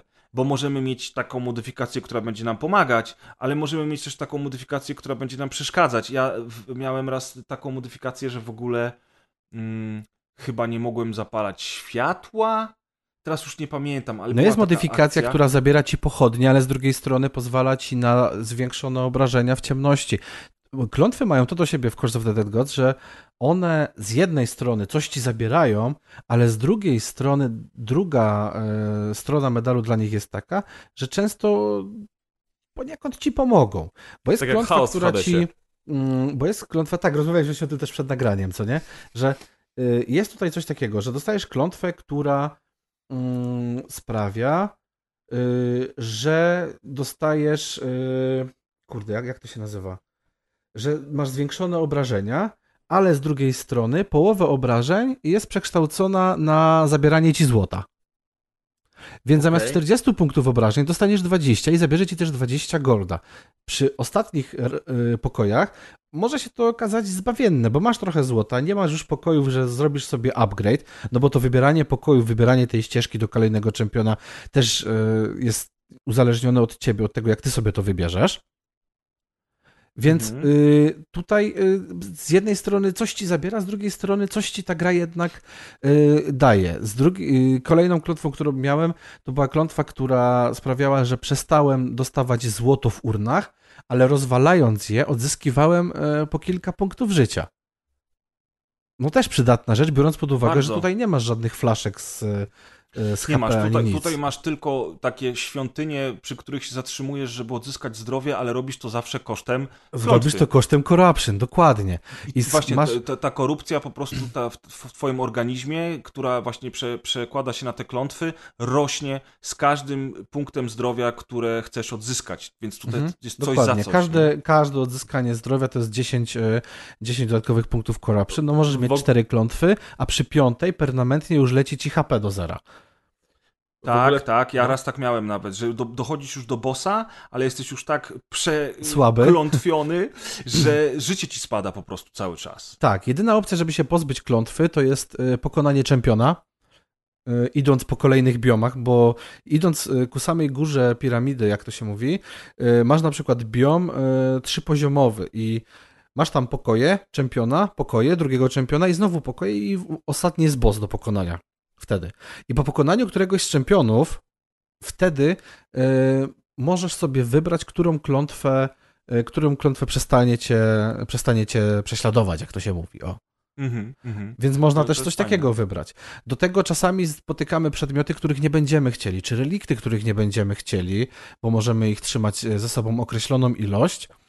Y, określoną y, no, ilość tych, tych reliktów ze sobą mieć i możemy je oddać. I oddajemy je albo za regenerację tam pewnego procenta zdrowia, albo za złoto, albo właśnie za zmniejszenie corruption tam o 8-12 punktów zależnie od, A możemy, przedmiotu.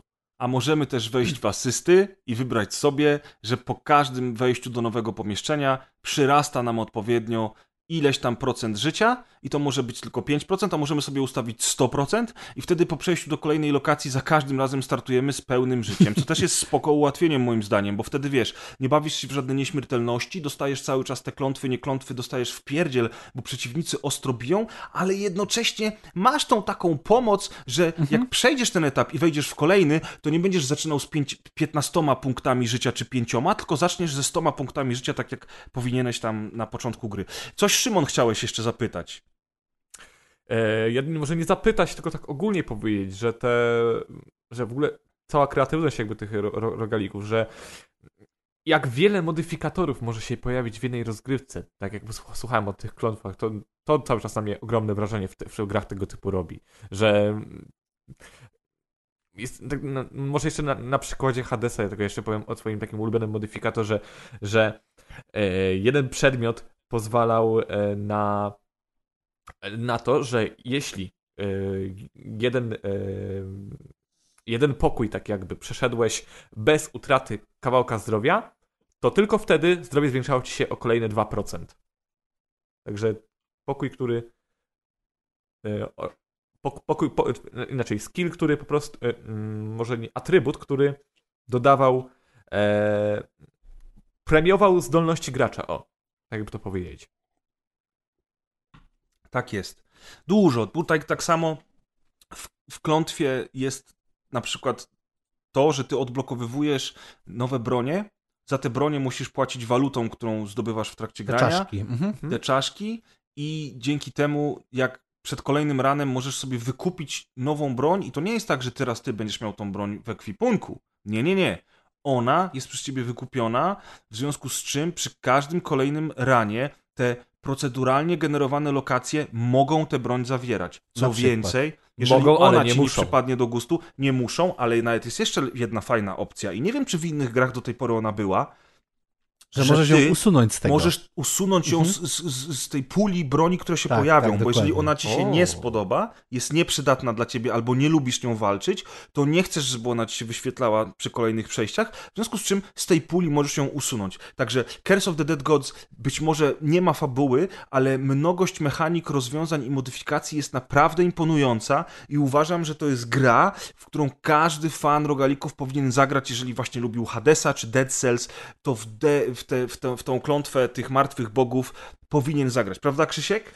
Y, podpisuję się oboma rączkami, jak to się mówi, y, pod tym, co powiedziałeś, ale od siebie jeszcze dodam, że po pierwsze, ostatnio wyszedł update do Curse of the Dead Gods y, w kolaboracji z ekipą od Dead Cells. Zgadza się. Tak, to ale jest jedna crossover. rzecz. E, tak.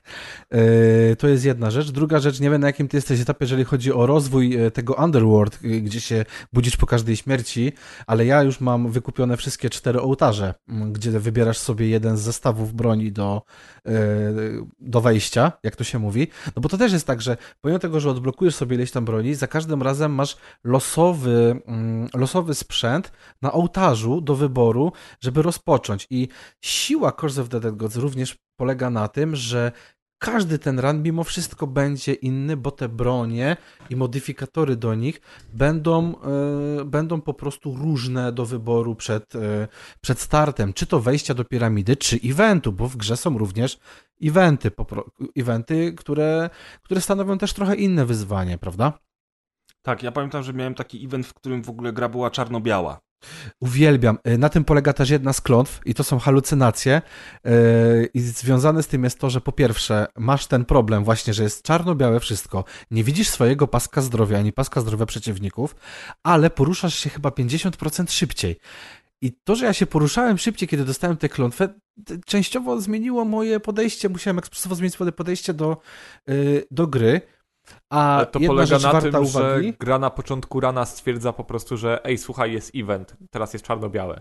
Nie, nie, nie. Wybierasz eventy Nie, ty sobie wybierasz event Aha. i ten event od początku ma po, jest w tym evencie od początku powiedziane. Natomiast jest też klątwa, którą, która cię może dotknąć, że wszystko staje się czarno-białe w momencie, w którym uderzy cię przeciwnik. Czyli jeżeli dostaniesz jakieś obrażenia, wszystko staje się czarno-białe, na przykład chyba tam na 15 czy 25 sekund i w tym czasie jesteś szybszy, ale zadajesz yy, właśnie, yy, jesteś szybszy, zadajesz trochę więcej na przykład obrażeń w ciemności, zależy jak się ten modyfikator ułoży, yy, ale nie widzisz swojego paska zdrowia, więc musisz uważać, szczególnie jeżeli tego zdrowia miałeś mniej Tak jest. i tak dalej, co nie?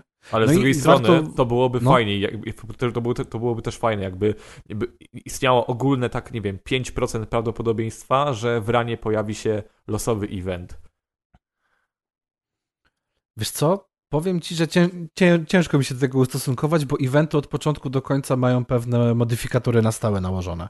Znaczy, gdyby one się pojawiały w trakcie kampanii nagle z nienacka, to też mogłoby być to jakieś urozmaicenie, ale to chyba by było ciekawsze, gdybyś miał tę opcję jako możliwą do włączenia, ale nie żeby ona, Mhm. wiesz, wymuszała na tobie Może to... i tak. Jeszcze ostatnia Dlatego mówię, żeby to było takie bardzo małe prawdopodobieństwo, nie wiem, Mhm. 2-3% po prostu, tak, a, a teraz totalnie, nie wiem. Mhm. No Ja tam, ja, ja tam lubię takie losowości, także... Ja tam Ja lubię, jak ten Zygmunt dobrze- Heiser przyjdzie. Tak. Wybierz bramkę numer 1, 2 lub 3. Y, Jedna rzecz ostatnia na koniec, to chciałem zauważyć, że chyba to jest jedyna gra, w której są, y, w której jest stamina.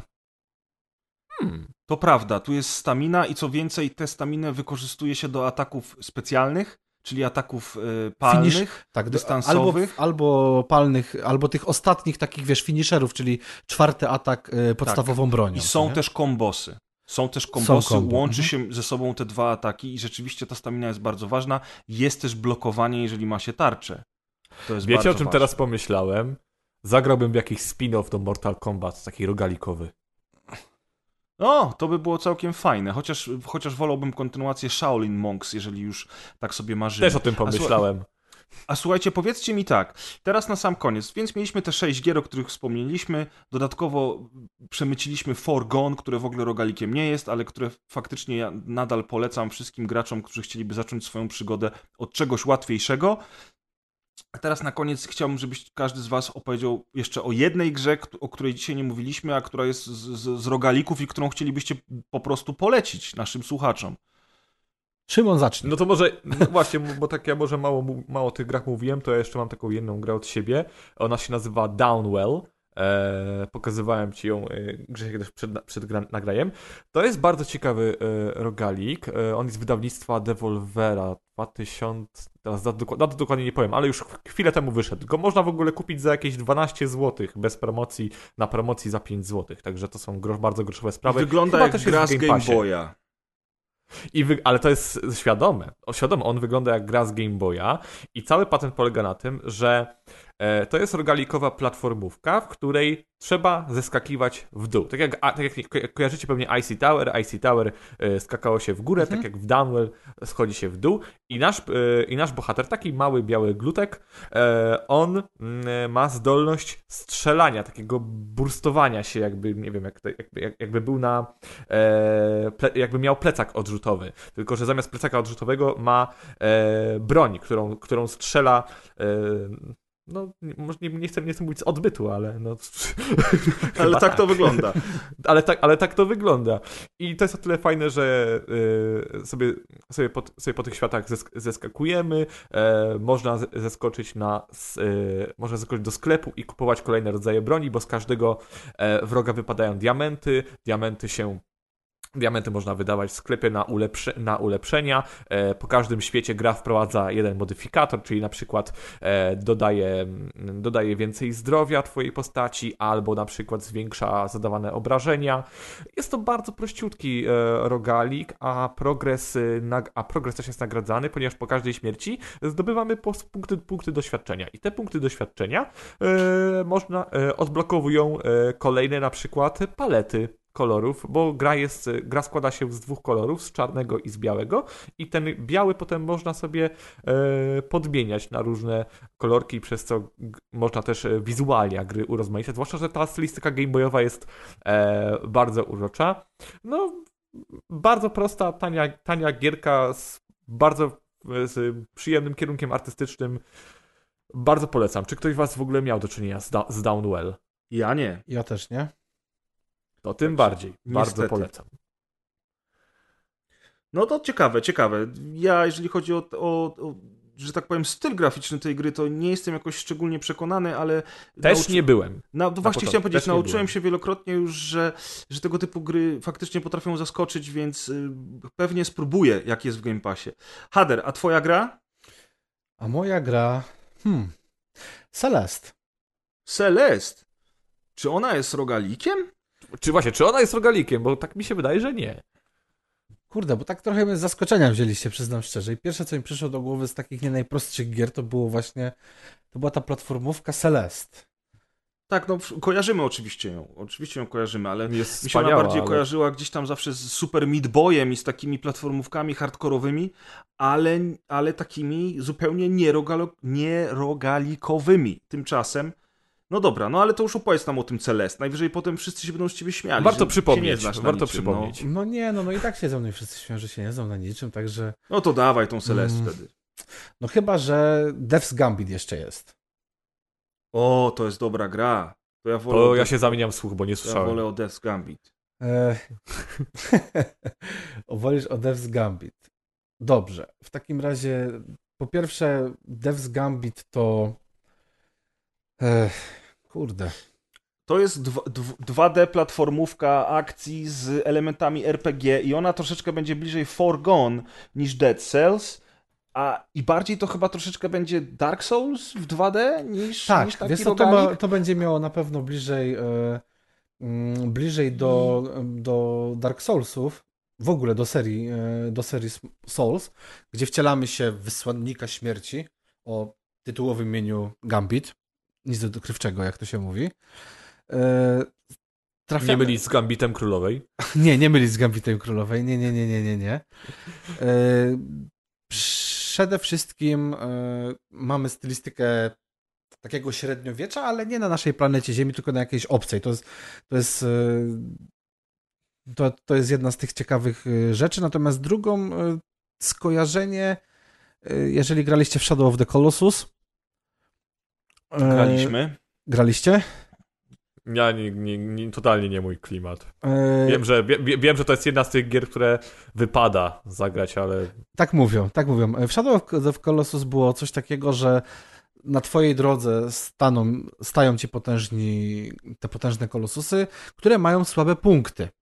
I dokładnie tak samo jest tutaj w Death's Gambit, że trzeba znajdować te słabe punkty, że trzeba złapać ten słaby punkt przeciwnika i tego potężnego przynajmniej, którego, którego będziesz tam spotykał raz na jakiś czas na swojej drodze i, i dzięki temu, tra, dzięki trafianiu go w ten, w ten słaby punkt będzie ci go dużo łatwiej, mm, dużo łatwiej pokonać. Y, Są elementy RPG, tak jak powiedział Press, czyli system levelowania, jest tam rozwój, y, rozwój postaci. Całkiem fajne, y, całkiem fajna ilość, nie, nie wiem czy to dobrze brzmi, całkiem fajna ilość y, w ogóle ekwipunku, który się spotyka również na, na zaraz swojej... też powie, że całkiem fajna liczba. Liczba. No, liczba, dokładnie. Mm, W tej samej, w tym samym czasie możesz tam mieć trzy specjalne skille, e, jeden amulet, dwie bronie. Także jest co robić. Chyba nawet recenzowałem Grzesiu ten tytuł u was lata temu, ale to teraz już nie Możliwe. pamiętam, przyznam szczerze. Możliwe, możliwe, że tak było. Niestety, wszystkie recenzje pisane zniknęły ze strony, a Nie w ma. ogóle to mamy adres nowy, nazywa się www.rozgrywka.online, gdyby ktoś jeszcze nie wiedział. I tam znajdziecie wszystkie nasze odcinki podcastowe. Macie też wszystko oczywiście w apkach, ale z recenzjami pisanymi na razie może być słabo. Słuchaj, A czemuż to? o, to jest długa historia, nie na dzisiaj. Na pewno kiedyś o tym opowiemy. Natomiast y, ja bym chciał w takim razie, skoro już padł ten tytuł, to żebyś jeszcze nam powiedział dwa słowa o Celest. Wiemy, że może troszeczkę nie pasuje, ale jest wybitnie trudna i poza tym, że jest trudna, Wybitnie dobra. Też, ale zachęcająca jednak do tego, żeby próbować, prawda? Czyli trochę w sumie nawet nam się Hader wstrzelił z tym tytułem w dzisiejszy odcinek. Prawda. No Prawda. dawaj, opowiadaj. E, w Celest wcielamy się w kobietę o imieniu Madeline, e, która podejmuje się wyzwania wspinaczki na górę, tytułową górę właśnie Celest. Tutaj, jak na platformówkę przystało, Mamy możliwość e, szybkiego poruszania się, takiego przyspieszenia, pokonywania również e, ścian poprzez e, wspinaczkę, czyli te płaszczyzny nie tylko poziome, ale pionowe, więc trzeba mieć bardzo dobry timing. A sama gra fabularnie również daje do myślenia poprzez to, że porusza, porusza pewne tematy z zakresu zdrowia psychicznego, osob, zdrowia, w ogóle zdrowia psychicznego. Więc też jest fabularnie warta nie to, że warta grzechu, ale warta, warto po prostu się nad nią pochylić nie tylko pod kątem gameplayowym, ale też pod kątem, mm, pod kątem tego, jak rozwija się w niej fabuła, jaką drogę musi przebyć nasza, nasza bohaterka, żeby, żeby dotrzeć na żeby dotrzeć na szczyt. Gra jest tylko i wyłącznie solo. Tak jak powiedziałeś, e, skojarzenia z Super Meat Boyem jak najbardziej jak najbardziej uzasadnione i, i słuszne. Ja tylko odbiję tak z małą dygresją, że te indyki jednak, o, podoba mi się w nich, że one zdecydowanie łatwiej, e, studia, wydawcy decydują się na podejmowanie tak trudnych, trudnych tematów, tematów jak, mhm, tak. Ni, ni, niż y, no, pamiętam, że jak The Last of Us 2 wychodziło, to było takie wielkie wydarzenie, bo gra podejmuje poważne wątki. I no i jak się też The Last of Us 2 dostało za te poważne wątki od wielu, prawda? Jak to. Tak, tak. Do, do, do jakiego złego etapu już hejtu wręcz doszliśmy, jeżeli chodzi o, o to, jak ludzie się zachowywali wobec nawet aktorów podkładających głosy w tej grze. No to już niestety no. Jest, jest smutna rzecz, ale to nie jest temat na dzisiaj. Natomiast faktycznie tego typu wątki y, były w rogalikach od dawna poruszane, bo przecież była taka gra To The Moon chociażby. Była, I parę innych. Y, nawet Braid który miał być platformówką, a okazało się, że miał bardzo ważne przesłanie, więc tego rzeczywiście trochę było w tych rogalikach. Faktycznie Celest się w, w to wszystko tutaj ładnie nam wpisuje. Ja wam jeszcze dorzucę jedną grę od siebie. Ona się też pięknie wpisuje w takie bardzo ważne i życiowe tematy, bo nazywa się owa gra, moi drodzy, Lovecraft's Untold Stories i traktuje o mytosie Ktulu, więc generalnie rzecz biorąc bardzo ważne życiowe tematy, ale wpisuje się też w rogaliki, dlatego że jest takim rogalikiem akcji y, generalnie, proceduralnie generowanym, proceduralnie generowanym, który, który jest też twin stick shooterem. Y, też w pixelarcie i w ogóle można by było pomyśleć, że to kolejna byle jaka gra, y, których jest wiele, a tymczasem nie należy koło niej przechodzić obojętnie, zwłaszcza jeżeli jest się fanem Lovecrafta, bo to jest gra, która jest kompletnie umaczana w mytosie, całkiem ciekawie przedstawia fabułę i wprowadza nowe postaci, bo możemy odblokowywać nowe postaci, którymi będziemy grali. Te postaci mają swoje zdolności specjalne, swój ekwipunek, ale żeby je odblokować, to musimy odkryć kolejne fragmenty fabuły i oczywiście po śmierci wszystko zaczyna się od nowa z takim też przeniesieniem niektórych elementów progresu. Całość jest dosyć wymagająca, bo tutaj walczy się z naprawdę dużą ilością przeciwników, im dalej, tym gorzej, y, więc trzeba być trochę, trzeba, trzeba trochę zręczności w tych łapkach mieć, ale to chyba w każdej z omawianych przez nas dzisiaj grach tak trzeba było. Mm, jest, jest sporo wyzwania, dużo się ginie, mm, ale też gra nagradza to wszystko właśnie kolejnymi etapami, kolejnymi lokacjami, które odkrywamy, labo laboratoriami opuszczonymi, e, takimi willami i tak dalej, jak to u Lovecrafta. A najbardziej to chyba cieszy właśnie, jak odblokowuje się kolejne postaci, bo one nie dość, że mają jakąś tam swoją historię, to jeszcze po prostu mają swoje zdolności i, i, i to, to, to ładnie się tam wszystko układa do kupy ale rzeczywiście będziecie ginąć często i gęsto i będziecie powtarzać wszystko od nowa, czyli dokładnie tak jak w praktycznie wszystkich dzisiaj przez nas wymienionych tytułach. Także Lovecraft's Untold Stories. Obczajcie to. Na pewno jest to na PC. Wydaje mi się, że na konsolach też już wyszło. Też przeszło bez echa, ale niestety tych gier jest tyle, że tylko najwybitniejsze i najlepsze gry tego typu do mainstreamu się przebijają, czyli takie tytuły właśnie jak Dead Cells czy Hades, a ja mam nadzieję, że my Wam też trochę dzisiaj podsunęliśmy parę propozycji, które były mniej znane, a którymi się może zainteresujecie. Mm, dzisiaj moimi gośćmi była Joasia i Kasia. Z Polsatu. Także już, już się bałem, że znowu Jak się pomylę, tak jak na starcie. Tak, już się bałem, że się znowu pomylę, więc zapisałem sobie specjalnie na kartce, żeby żadnego nazwiska ani ksywy nie przekręcić. Ja wam dziękuję bardzo y, za spotkanie i za kolejną dokładkę. Mam nadzieję, że, że następne też będą jakieś takie fajne, które będziemy sobie mogli razem nagrać.